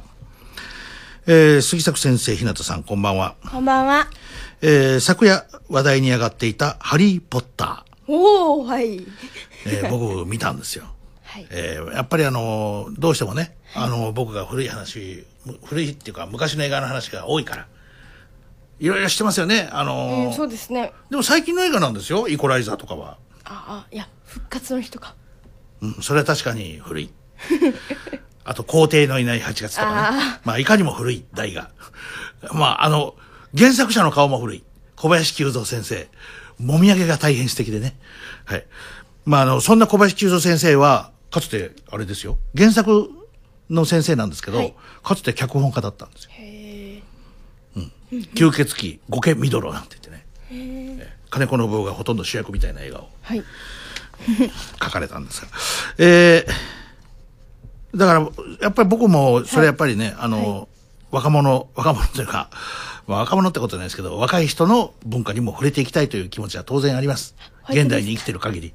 だから本当あの、ハリーポッターも見たことなかったんで、はい。やっぱ食わず嫌いというか水嫌いはね、良くないなということで、拝見させていただきまして、はい。大変面白かったです。うん。もう本当ね、いい機会与えていただいて、あれ主人公なんていう人ですか？ハリー・ポッターです。いや、俳優さあれ？名前なんですっけ？いや、私、エマ・ワトソンの名前しか出てこんな。ん。いや、エマ・ワトソンが可愛いかいいでしょ？かもう、本当ね、あの、可愛いっていうか、あの、なんかね、気の短そうな雰囲気の顔がね、くもうすぐ怒りません？なんか、くっそ、ふんみたいな。あれがよかったね。あれ可愛いですよね。あの髪の毛の爆発いや、具合と。すんごいよかった。僕、エマ・ワトソンは、エマ・ワトソンの映画は僕は割とよく見てるんですよ。私、エヴァ・ワトソンと手の大きさ全然違いました。あの、ハリウッド。あなるほどね。はい。さあ、それではちょっと読んでいきますよ。昨夜話題に上がっていた、登っていたか。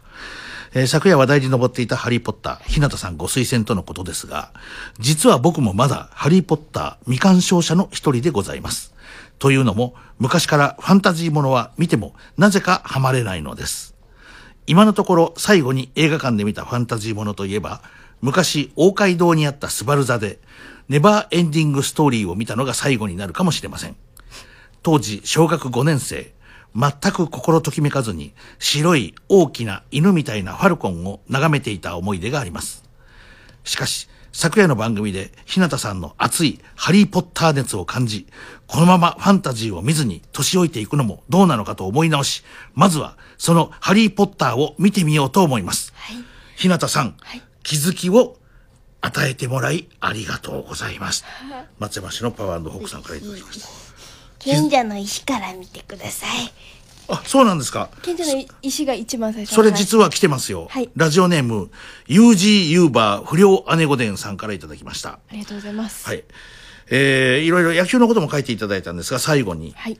ハリー・ポッターは、やはり賢者の石から見た方がいいんでしょうかと書いております。そうですね。やっぱ一番最初から見た方が分かる、内容が分かりやすいかなと思います。あ途中から見ちゃうと、最初から見たくなると思うんで、それだったら最初から見た方が面あ、白い。続きものなんですよね、一応。はい、続きます。8番まであるんで。これだから、ユージユーバー不良姉御殿さんも見たことないんだと思うんですよ。こういうこと書かれてる。この今まで、まあ僕もそうなんですけど、えー、ハリーポッター見たことない、えー、大人たちが、えー、今、こう、新たな、こう、文化にね、出会おうとしている。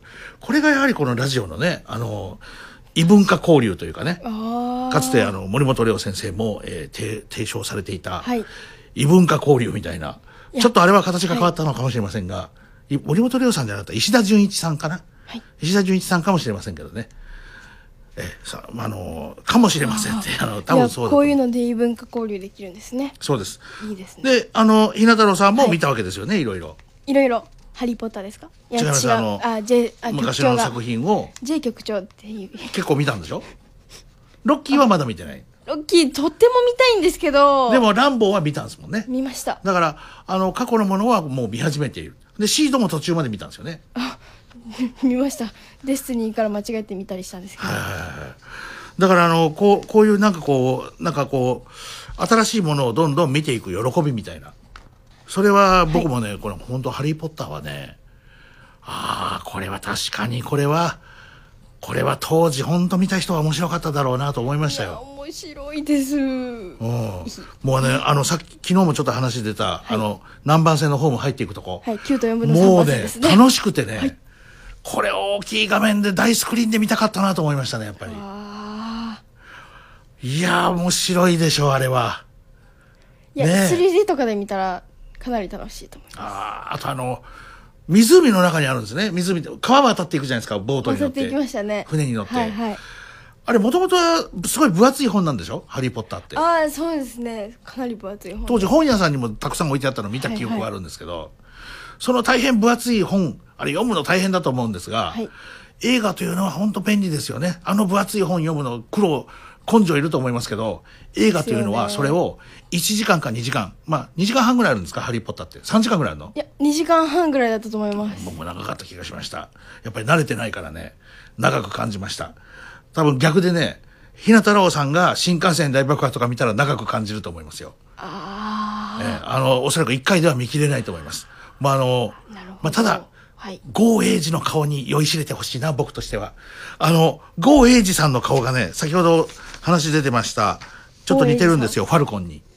あ、パルコン。ネバーエンディングストーリーのファルコンに。あの、竜、竜に。うん、竜に。えあえ、えーうん。え。え、どうしたんですか？いや、言っちゃっていいんですか、はい。ね。えー、何ですか？いや、あのーその竜の真似できるんです、私。え？いや、あの、音ではできないんですけど、あの、じゃあ、これちょっと待っては、くださいイベントで。え？イベントでやってもいいですか？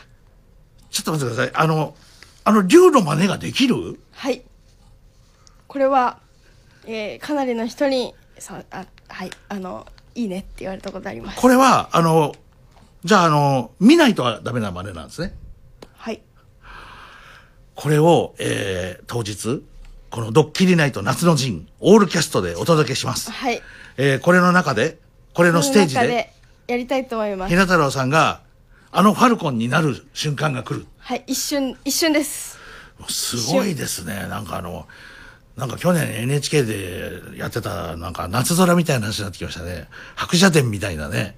なんかすご、あえー今、瞬間的に今一瞬、ひな太郎さん、ちょっとやったんですね、今。ね、ちょっとやったんですあ、ね。やりましたよ。ちょっとびっくりしました、今。いや竜がおったって。おったって言った人いましたけど、あの、本当竜がおったって感じが。えーこれを7月の25日のはい。ドッキリナイト夏の陣、にイベントの時にや見せていただけるといいうこと。なんですいや、ね。これ、あの、まあまあまあ、これは、まあ、お楽しみにします。それいつからやってたんですか？中学生。その時は？え、まあ、これも、えその時話します。あ、その反応も？はい。いやー人間いろんな特技があるもんですね。っていうか、いや、僕あの、竜は確かに変わった顔っていうかね、あの、可愛らしいと言い切れない、あの、なんかすごい顔じゃないですか。はい。あの顔を人間がやるっていうのを、人間が真似したのを僕今、初めて見たと思いますね。だからちょっとそその写真とかだとやっぱり印象ついちゃうから、なるほどねだからイベントで一瞬だけ一瞬だけやりたいなと思いますなかなか、なかなかこう、ドッキリナイト夏の陣オールキャスト。これ面白くなってきましたね。あの、なっちゃんがね、あの、ちょっと難しいっていう感じになってるんですよ、今ね。だから、ただ、ただ、あの、ちょうどその日がね、はいこれもう今言っていいと思うんですよ。これもう日にちないから、あの、来週行って急にびっくりするのもあれだから、なっちゃん実はもう出演がね、あと2回で終わりなんです。はい。えー、今週末18日と、その次のドッキリナイトのある日25日、この2回で、はいえーなっちゃんはご卒業ということになりまして、えー、25日には、えー、大久保さんもやってまいります。モアミュージックの大久保さんも駆けつけます。急を聞いて駆けつけた者の中には、サンダル履きの者もいたなって言ってね。これはまあ仁義なき戦いですけど、あの、大久保さんはサンダル履きでは来ないと思いますけど、私は今そのサンダルも脱いでいるというね、あの、大変な状態ですけども、えーしかし、何にいたしましても、えーなっちゃんは25あー日、その日で終わりなので、卒業されちゃう袴着てくるんですかね。う、いやいや、それは、大学の卒業式でしょ。えそうですけど。このドッキリナイトの卒業式は、なっちゃんにとっては、はい。もう、通過点ですよ。あああ。新幹線大爆破の浜松駅です。高槻中さんがいた。浜松駅中華パパッパパーン。パー浜松駅通過あ通過。あ駅みたいな感じってパーンパーン、はいパーンパーントコトコトコトン。はい。えーこの、まあ、何にしてもね、何らかの形ではなっちゃんには参加してもらおうと思ってるんですよ。だから、あの、あらかじめ映像を撮っとくとか、あ。音を撮っとくとか、はい。そうじゃないとやっぱりね、もうその、その日で終わり、その日で卒業ですから、やはりあの、あと、みんなの声とかも届けたい。その模様を。みんなの、みんなの声を取っといて、その夜生放送なっちゃん、最後の卒業式ですから、その時になっちゃんに聞いていただいて、いやー、これは、僕もね、想像つかないのよ。あの、今今週末も多分いらっしゃる、今週末もいらっしゃるんですけど、涙が出るか出ないかみたいなことがちょっとわかる。あ、えー今日もう一本、あのー番組内番組あります。ちょっと番組内番組の情報がちょっと、えーなかなか言えなくて失礼いたしました。今日は再放送、えー手塚のり子さん、どうぞ。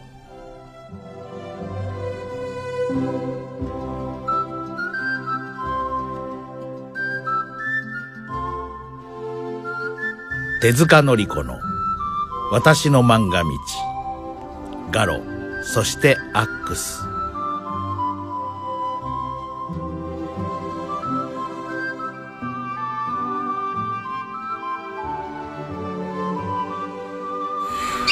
そしてもうあのちょっと話が飛びますけど何年ぐらいなんですかもう今年で。いわゆる出版の世界に入られて。うん私が24の時だからあもう20 20でしょ。34もう40来年で40年くらいか。ああもう40年。うん。ですね。来年でちょうど40年ですね。そうですねこの間一回もでもやっぱり、あの、この、ま、この出版の世界をやめようみたいなことはやっぱりなかったですか、だですね。なんか途中で結構出版の仕事は大変だから、もういいかななんて思った時もあったけれども結局やっぱりねあの やめられなかったですね。この、やっぱりその、手塚さんが入られた後も、その、いい時期っていうのもあったんですか？やっぱガロはものすごく業績のいい時代っていうの。えっとね私が入った時はもう最低だったんですよ もうねそうですかうんもう大変な僕は僕はあの面白いと思って読んでた時期だったんですけどね。それで、それで何とかしようっていうんで、その営業、それまで営業やってなかったんですって、セイリンドって。そうん。で、書店営業しようということで、若い人たちを取ろうっていうことで。それは何年ぐらいの ?80 年入ってぐらいですか？79年あ79で、年79年ですね。そう。でそれまで私も読者で、それまではどうやって配本されてたんですか？じゃあ。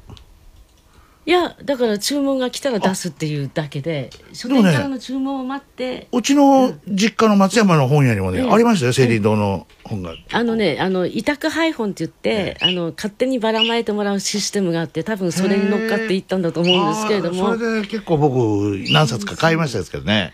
もうそれで、だからなんか、それこそ下手馬のね「情熱のペンギンご飯とかあー久内さんとかまだ読者の頃で読んでて恵比寿さんなんかも。で私らが入ってから書店営業を始めてそれであのあのちょうどねあの恵比寿さんの「地獄に落ちた教師ども」あの辺りからね単行本が突然売れ出すようになったんですよ。そうですか。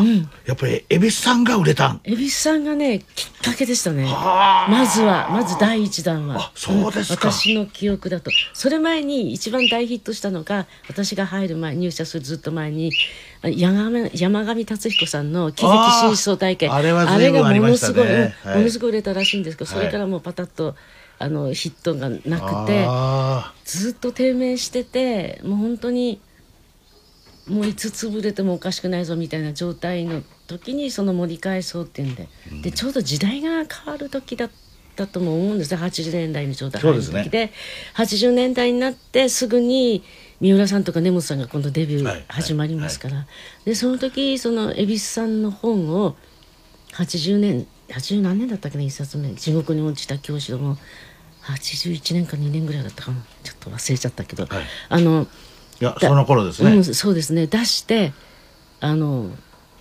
そっからねえ恵比寿さんをきっかけに上向きになってきたんですよ。そうであの、まあ、恵比寿さんが、まあ、それまで全然そのガロとかエロ本にしか書いてなくてあのゆあんま有名じゃなかったんですけども、まあ、編集者はみんな目つけてたんですよすごいすごい人だっていうんで。はいはい。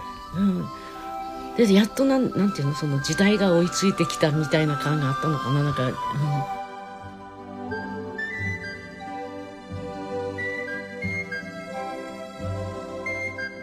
ただいまの出演。漫画雑誌アックス編集長手塚典子。聞き手杉作 J 太郎。手塚典子の「私の漫画道」ガロそしてアックスを終わります。また来週をお楽しみに。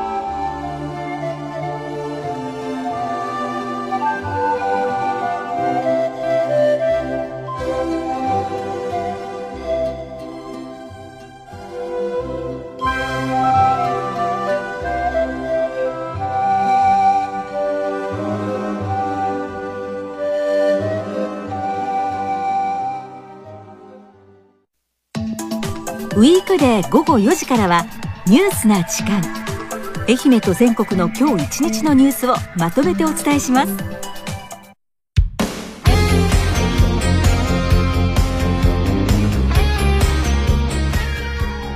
南海放送ラジオ今週の一曲です。安西カレン僕らは強くなれる。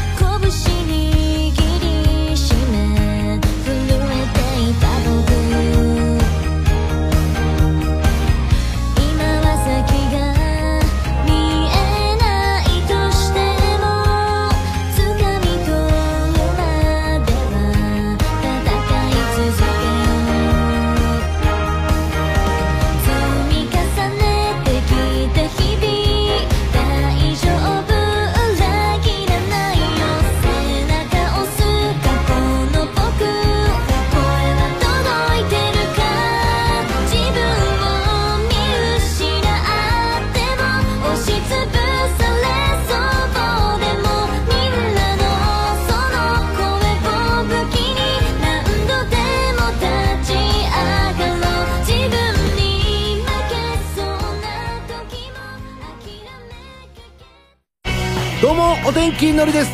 平日の夜にお届けしているレコメン。乃木坂欅坂日向坂。全部の坂道の声が聞けるのはレコメンだけ。毎週月曜から木曜夜10時から深夜1時のレコメン。聞いてくれなきゃ再逮捕しちゃうぞ。初版の方はごめんなさい。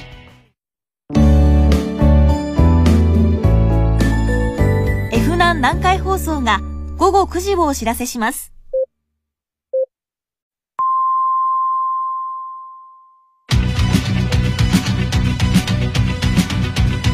痛快杉作 J 太郎の「ドッキリナイト3」生放送でお送りしています。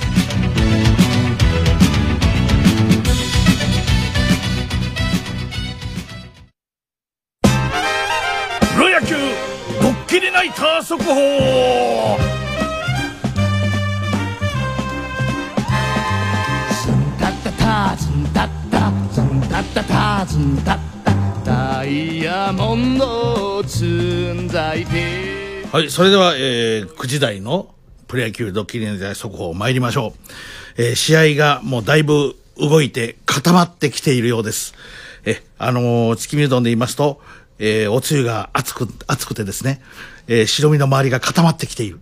点差があったわけなんですが、その点差がさらに拡大して、勝ち負けが固まり始めているところもあるようです。はい。ところが逆で追いついてきて、はい。追いついてきて平たくなり始めているところも出てきているようです。さあ、それではどこがどうだったでしょうか。まず先ほど、えーお便りいただきました、ロッテファンの方いらっしゃいましたのでね。はい。それでは参りましょう。札幌ドームで行われ行われております、日本ハムロッテの2回戦。えーこちら、ロッテ小島、日本ハムマルティネスの先発でスタートいたしましたが、はい。どうなったかと言いますと、まずホームランが、えー今までのところ2本出ております。まず1本目が、これは先ほどお伝えしましたね。ロッテ、マーティンに5号のスリーランホームランが出ました。えーそしてその後ですね、日本ハムの方にもホームラン出ました。ビアヌエバの2号のソロホームランが出ました。さあ、何対何になったかと言いますと、はい。現在試合6回まで終了しまして、4対4の同点であります。同点ですか。はい。同点になりました。いやー、これはもうね、あの、投げていたはい、小島マルティネス、まあ特に、あの、勝ってた方はね、あの、小島の方は、ちょっとショック、軽いショック。勝ちが消えた。勝ちが消えております。今平たくなっちゃったから、あもうここで。そして逆に言いますと、負けていたマルティネスの方は負けが消えました。多分僕が話してることが若干わからないんじゃないですか。勝ちが消えたとか、勝ちが負けが消えたとか。勝ち投手とかってやつですか？はい。合ってます。また質問してください。わかんないことあったら。はい。続きまして、楽天生命パーク宮城の楽天西部の1回戦ですが、こちらは、えー、ひな太郎さんのご推薦の、えー楽天、はい。固まってきました。固まってきた。はい。7回まで試合が進んでおりますが、はいなんとなんと、11対0。ええ11対0でもう完全な楽天のワンサイドゲーム。もう、それがね、またこれ細かく取っていくんじゃなくて、4点、4回に5点、7回に6点っていうね、まとめてボコボコと取っていく感じで点取ってますね。あすごいですね。えーこれはね、あの、西武のね、あの、キャッチャー、マスク被ってます、森。森もね、若干ショックだと思います。これは森も今日はショックでしょう。あの、なんか、文春法でやられた時よりショックだと思います、これは。はい。文春法、余計なこと言わなければよかったですね。はい。えー、茂木に2号のスリーラン。そして浅村。えーもしかしたら、一番乗りかもしれませんね。えー、楽天の浅村、10号が出ました。すご10号、うわー、すごい。早い。ね、10号、もう10本ホームラン打ってる。すごいですね。さあ、続きまして、こちらも固まってまいりました。固まった。京セラドーム大阪、大阪で行われております、オリックスソフトバンクの2回戦。はい。固まってきましたよ。えー、オオリックスといえば、これ大阪ですからね。刻みうどんとか、いわゆる大阪のうどん。大阪の。で、一方、博多の方の、えー、ソフトバンク、博多の方のうどんと言いますと、柔らかい、やわやわのうどん。あ、そうなんですか。そうなんですよ。そのふわふわでやわやわのうどんが今大人気なんですが、へえ。えー、どちらにも月見うどんがおそらくあるでしょう。そしてその月見が固まってきております。えふわふわだったら、あの、くぐらせにくくないですか？僕も実はね、あんまり食べたことないんで、よくわからないです。この間食べたかったんですけど、行った時に、仁義なき戦いの劇見に行った時にね、いやいや、いいです、いいです。仁義なき戦い見に行った時に食べたかったんですけど、はいあの、金子博文さんと、えーラーメンを食べまして、あえーラーメンを食べてしまいました。はい。はい。それでは、えー参ります。えーオリックスソフトバンク2回戦。こちらですね、えーソフトバンク和田、オリックス鈴木の先発で始まったんですが、7対0です。試合がもう9回に来てます。7対0でソフトバンクの一方的な試合になっております。上林に3号のツーランが出ております。いやー、これは、オリックスファンの方先ほどいらっしゃいましたけどね、あの、ショックでしょ？う、これは。はいさあ、続きましてセリーグ参りましょう。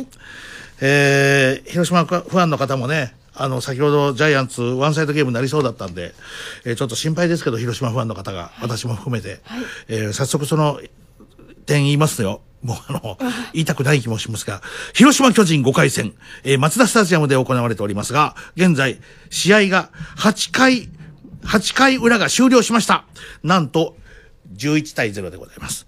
11対0、えー完全にジャイアンツのワンサイドゲームになっております。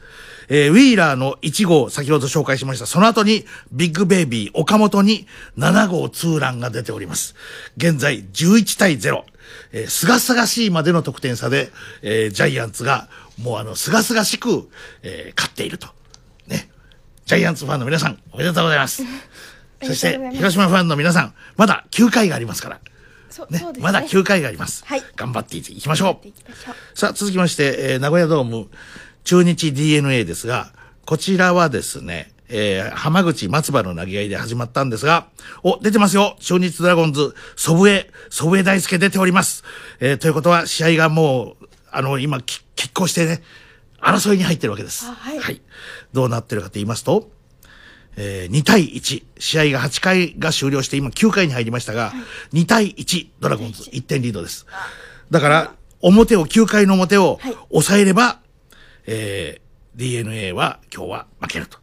ドラゴンズの勝ちということになりますんでね。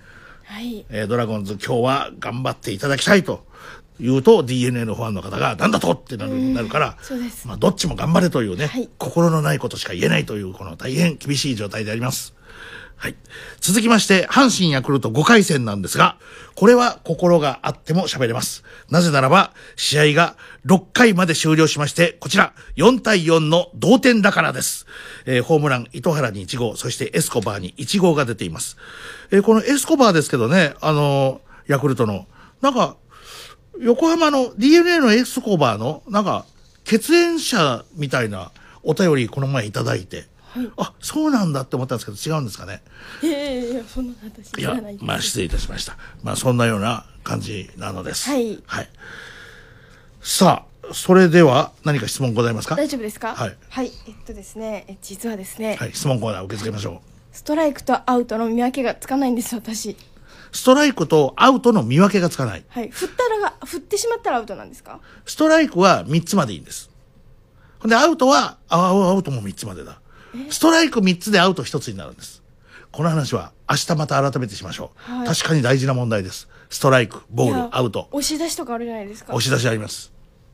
鬼押し出しなんていうね、名称もあったりしますけど、それとは関係ありません。押し出しですね。はい。はい。その、フォアボールっていうのがあるんです。聞いたことありませんか？聞いたことあるんですけど、フォアボールについても明日ご説明いたします。はい。明日は楽しくなりそうですねえ？プロ野球の根本的な話を。いや、僕もよく知らないんですよ。え？実は。こ、こ、このストライクと。ストライクってゾーンがあるんですよ。そのストライクのゾーンが僕もはっきりは分かってないので、このゾーンについても調べてきます。はい。はい。あの、ある特定の場所に投げ込めばストライクなんですよ、球を。あ、そうなんですか。そうあ、ところところがねところがそれが。が見えてないんですよえ？エリアが肉眼では見えないんですよ。あ、じゃあ誰かがコンピューターで見てるんですか？コンピュ後ろから審判が見てるんです。それで審判が後ろから見てるんです。あ、そうなんですか。へえ。で、時々そのボール、ストライクをめぐってはい、文句言う人も出てくる。ピッチャーとかバッターで。今のストライクだろうが、今のボールだろうが、みたいな。はい。これにつきましては、また明日改めてお話ししてまいりましょう。はいお願いいたします以上、えー、プロ野球、ドッキリナイトあそこでした。タッタタズンタッタズンタッタタズンタッタ青春かけた野球だぜ泣きたいこともあったんだ今グラウンドをかけながらあの子に見せる勝利のささあ、それではこの後はですね、えー大学進学を目指している皆様に耳寄りな情報がありますので、ぜひ聞いていただきたいと思います。今日と明日。よし三人押し押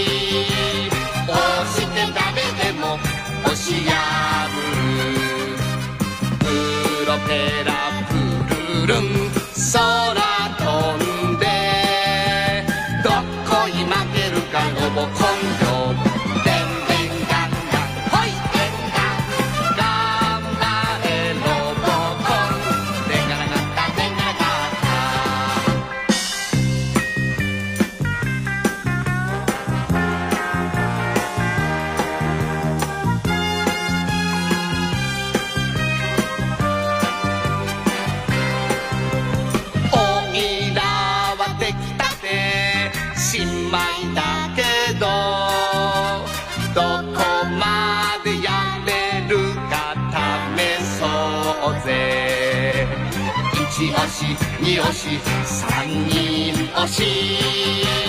押してダメでも押し抜くぞ。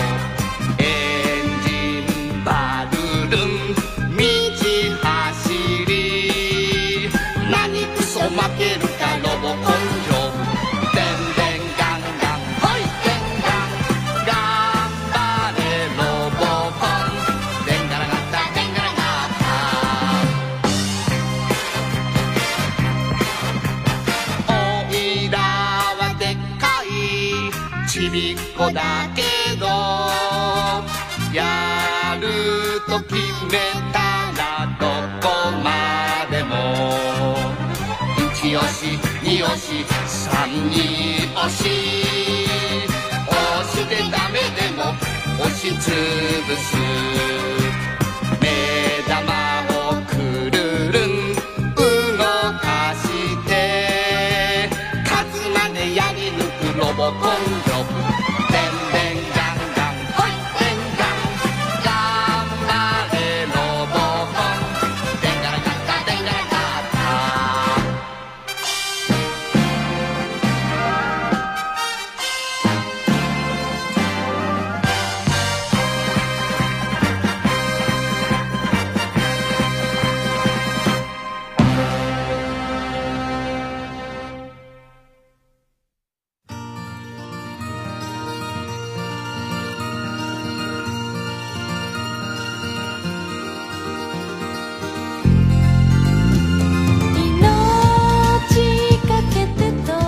わずかな時間ですけど、このわずかな時間の間に、試合終了が相次ぎましてね、えープロ野球試合終了が相次ぎました。はい。えー中日 DNA 試合終わりました。えー勝ち投手松葉、えー中日ドラゴンズ勝ちました。えー逆に、えー負けましたのが、逆にってことで失礼いたしました。言葉の選択ミスです。えー広島巨人、松田スタジアム、広島負けました。クリス・ジョンソン負け投手です。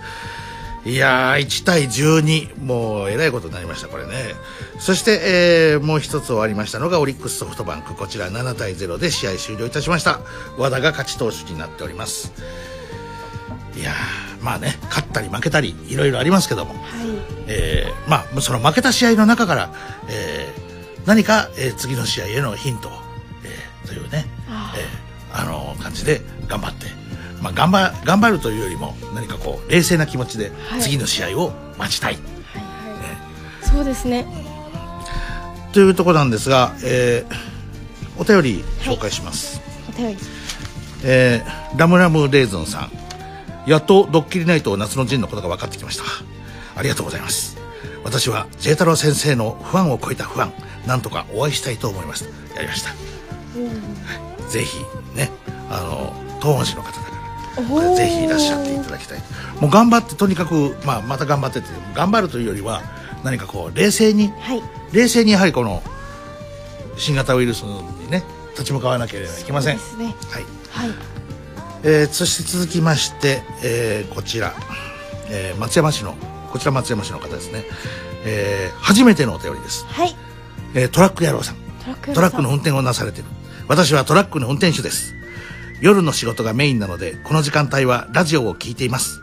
J 太郎さんとひな太郎さんのやりとりが面白く笑いながら運転しています。いいですねこのか書き方がね。カタカナでひなって書いて太郎なんですよ。ひな太郎さん。なかなかいいじゃないですか。おもう一回お願いします。ぴゃぴえーひな太郎さんの一生懸命歌を歌う姿。とても感動です。ゃ また歌いたいと思います。ちょっと一言いいですか？はい。これ当然あの歌うんですよねあもどうなんですか？と当然歌いますよ。あのこの日。はいあの日。7月25日ドッキリナイト夏の陣の時は、はい歌いたい。歌はあるんですか、はい頑張って歌います。いや冷静に。う ん何の歌を？何の歌？そうまだですね。決めまだ決め決めてたら逆に怖いですけどね。そうですね。えあのーどうしようかしら。はいまあちょっとちょっとこれからまだ時間ありますから。はい一緒に決めてもらってもいいですか？いやいやもう自分の好きな曲を決めてください。ええいや聞いていただいてる方ああラジオを聞いてる皆さんが、はい。皆さんのリクエストが欲しいと。のリクエストが欲しいです。ぜひリクエストの宛先は、はい。JT アットマーク RNB.CO.JP です。はあリクエあストをいただいて。当に何でもいいんですよ。私が知らなくてもいいんで。知らない歌でもいい？はい何でもいいです。あの言語も問わない。何語でも。もう何語でもいいです。頑張って、その言葉をささっと勉強して歌いたいと思います。楽しみですねこれはね、えーそしてこちら、えーこれは瀬戸香さんからもね、はい。い、ただいておりますよ、えー物おじしない日向様の歌声が響きますよ。う、えーご指導ご期待ご期待しておりますというあこれ僕のご指導ってことですけどいやもう僕の指導はあなたの歌に関しては必要ないでしょう。いやいやいやいやいや、お薬出しときますからみたいな。はい。まあ、あとはあの自分でやってくださいみたいなねえらいえらい喜んでいただいやいやいやいや。いや今のちょっと確かに。面白かった。面白かった。面白かった。ありがとうございます。褒めていただいたんですね。えあとですね、あのこれ僕とあのひな太郎さん、はい。どちらにもいただきました今治の、えー若返るさんからはい。いただいた封筒があるんですが、これは明日。明日。明日ご紹介いたしましょう。明はい。えーいろいろいろいろなことがありましたが、えーそろそろお別れの時間が近づいてまいりました。はい。7月25日のイベントに関しましてはまたちょっと明日ももう一度改めて大事なことなのではい。お伝えしたいと思います、今日はちょっと僕のあの余分な話がね脱線が多かったので明日はもう冷静になって冷静にいきますそうですね。もうちょっと私もファッションショーのこと話したいんで。そうでしょうね、はい。話したかったでしょうね、話してください、あとあの T シャツ作ってるんですよね今ねそうです。それに関しても明日また聞いてみたいと思います。お願いします。はい。お相手はひな太郎と杉作 J 太郎でありました、えー広島カープの皆さん頑張ってください。明日また。はい。やっぱりね地元でね地元に戻るとやっぱりね厳しい。これもプロ野球の特徴ですからね。この後は和牛の桃ラジオです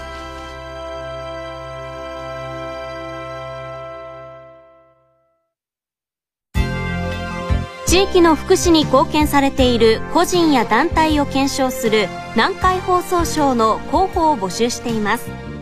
次戦他選は問いません。南海放送ホームページからご応募ください。皆様からのご推薦をお待ちしています。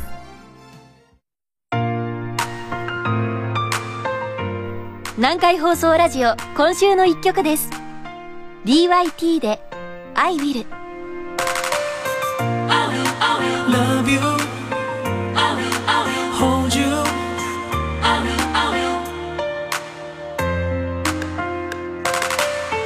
腕の中で眠る君。起こさないように。見つめる寝顔 Hey 同じ鍵も持った日から。苦手な朝。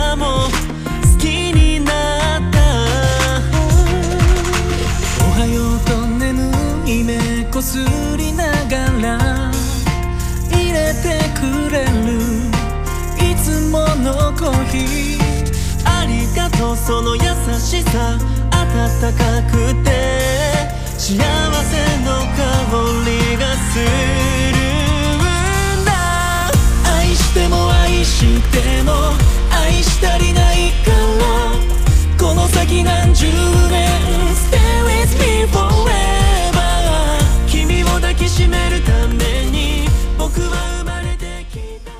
テレビ東京プロデューサーの佐久間信之です。日本中いや世界中の最新エンタメが集まるドリームエンタメラジオ。この番組を聞けば君も明日からインフルエンサーだ。ワンランク上の会話で友達に差をつけちゃおう。佐久間信之の「オールナイトニッポンゼロはこの後3時から我エンタメゆえに我あり。